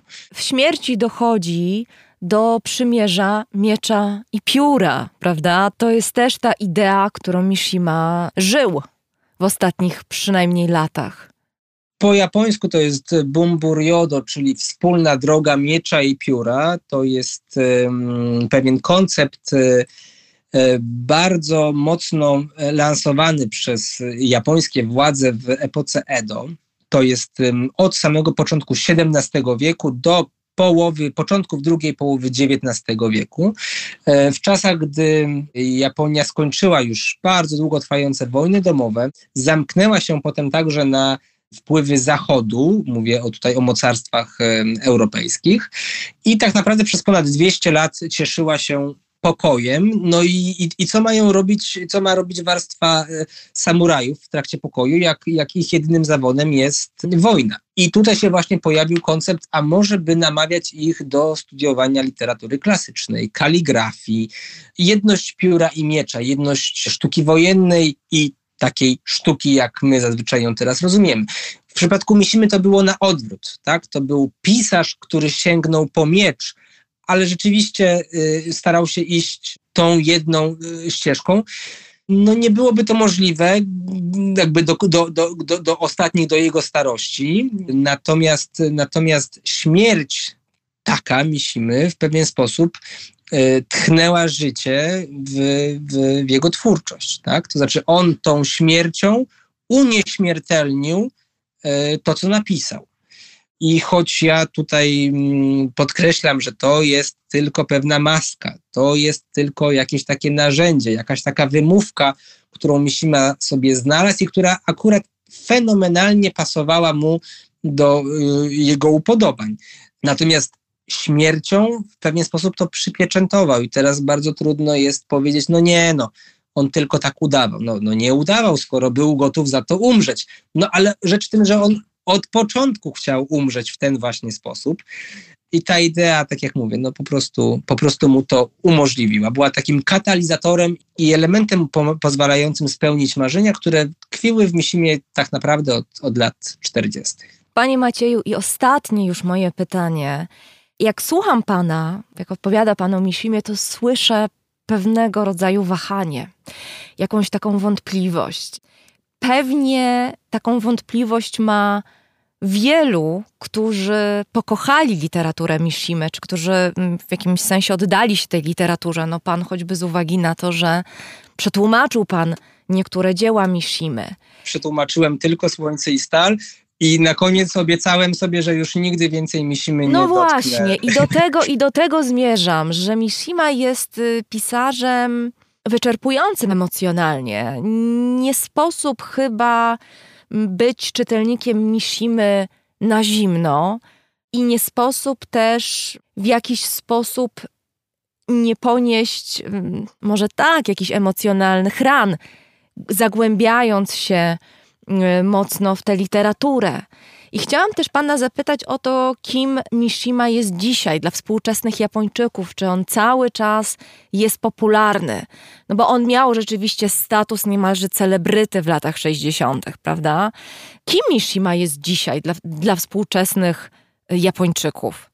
dla bardzo wielu Japończyków niestety jest y, postacią nieznaną, w tym sensie, że, że, że, że Mishima jednak w dużej mierze zajmował się Junbongaku, czyli taką literaturą czystą, powiedzmy, tak, Wy, wyrafinowaną, chociaż pisał też tak wiele rzeczy, powiedzmy, klasy B, a prawie że i C. Niemniej jednak jest sporo ludzi, którzy Mishimy Y, nie czytali. Y, natomiast no, inna część społeczeństwa oczywiście Misimę zna i, i chyba uważa go raczej za problematycznego. To znaczy y, ten Misima wciąż nas, nas uwiera, tak? w zupełnie, myślę, inny sposób. To jest też ciekawe w Słońcu i Stali, że pewne rzeczy, które wtedy były jakby nie do przyjęcia, zbyt powiedzmy prawicowe, Teraz jakby powiedzmy patrzymy na te sprawy inaczej, natomiast y, mogłoby nas razić to, w jaki sposób Mishima pisze w ogóle o cielesności, kiedy on mówi z jakim obrzydzeniem y, zbyt duże brzuchy albo właśnie zapadłą klatkę piersiową y, spogląda, tak? Że takie zaniedbanie ciała, że, że takie ciało to w ogóle jest wstyd. Jak to można pokazywać Ale ludziom? wie pan, ja myślę, że on by się świetnie odnalazł w roli współczesnego Instagramera w tym sensie. Bardzo możliwe, bardzo możliwe, że w pewien sposób by to karmiło tę próżność Misimy, ale też pytanie, czy Misima odnalazłby się na tym Instagramie, wiedząc, że jest jednym z Wielu. tysięcy mhm. albo i milionów. Możliwe, że to nie do końca sprawiałoby mu taką przyjemność. A dla pana, Mishima, kim jest dzisiaj? Chyba nie spodziewałem się takiego pytania. Bo to jest problematyczna relacja. Ja to słyszę. Hmm, no na pewno jest wiele rzeczy, w których, e, w których ja jakby w Misimie podziwiam, tak? Chyba najpiękniejsza taka, taka mm, chwila, kiedy ja, no tutaj, tak jak pani słyszy, ja dużo tego myślimy krytykuję, mówię, że tutaj coś udaje, tutaj, że nas swoimi e, słowami próbuje zwodzić. E, Misima opisuje, w, to właściwie jest epilog do Słońca i Stali, opisuje taki moment, kiedy no, dostępuje pewnego też zaszczytu i wyróżnienia. Może, może jako pasażer E, do, doświadczyć lotu w, myśl, myśliwcem F-104. To, to w tamtych latach był niezwykle e, szybki samolot odrzutowy. No, no, no, szybszy niż, niż, niż niektóre obecne, nowoczesne odrzutowce. To jest dla Misimy moment jakiejś takiej krańcowej radości. To znaczy, można powiedzieć, że to jest też w ogóle symboliczna próba generalna przed wyprawą po, po ostateczne doznanie, którym to ostatecznym doznaniem jest śmierć. Ale, ale Mishima opisuje to doznanie z autentycznie szczerą radością. I, I tak sobie myślę, kurczę, doświadczenie za życia czegoś tak wyjątkowego i czegoś tak krańcowego, czegoś, co tak naprawdę jest odpowiedzią na wszystkie pytania, bo tutaj znowu Mishima sięga oczywiście po słowa i, i, i po pewne metafory, ale opisuje obraz, który okazał mu się przed oczami węża połykającego własny ogon. Sytuacji, w której przeciwieństwa się dopełniają. Wszystko, co jest przeciwne, scala się w jedność ja myślę, że to jest naprawdę jakieś wyjątkowe doświadczenie i coś, co. Hmm, kurczę, gdybym ja kiedyś mógł przeżyć coś takiego i nagle odnaleźć sens wszystkich swoich przeżyć, wszystkiego tego, co było i jest dla mnie ważne, a co wydawałoby się, że ciągnie mnie i moje życie w zupełnie różnych kierunkach, a nagle okazałoby się, że to wszystko ma jakiś sens i to sens piękny, sens przepełniony harmonią, sens jakby głęboko zakorzeniony w kulturze i, i w ogóle historii ludzkości.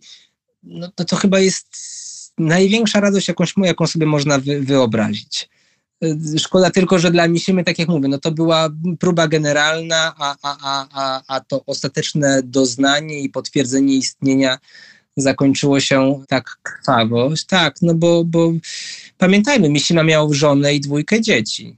Ja nie wiem, no zastanawiam się, kto i jak powiedział o tym y, dzieciom na przykład, tak? Bo mówimy tutaj o Misimie, jakże on został doświadczony przez babcię, która zabrała go, yy, odebrała go rodzicom, yy, wydzielała go, jakież to było chłodne, jakaż to emocjonalna tortura.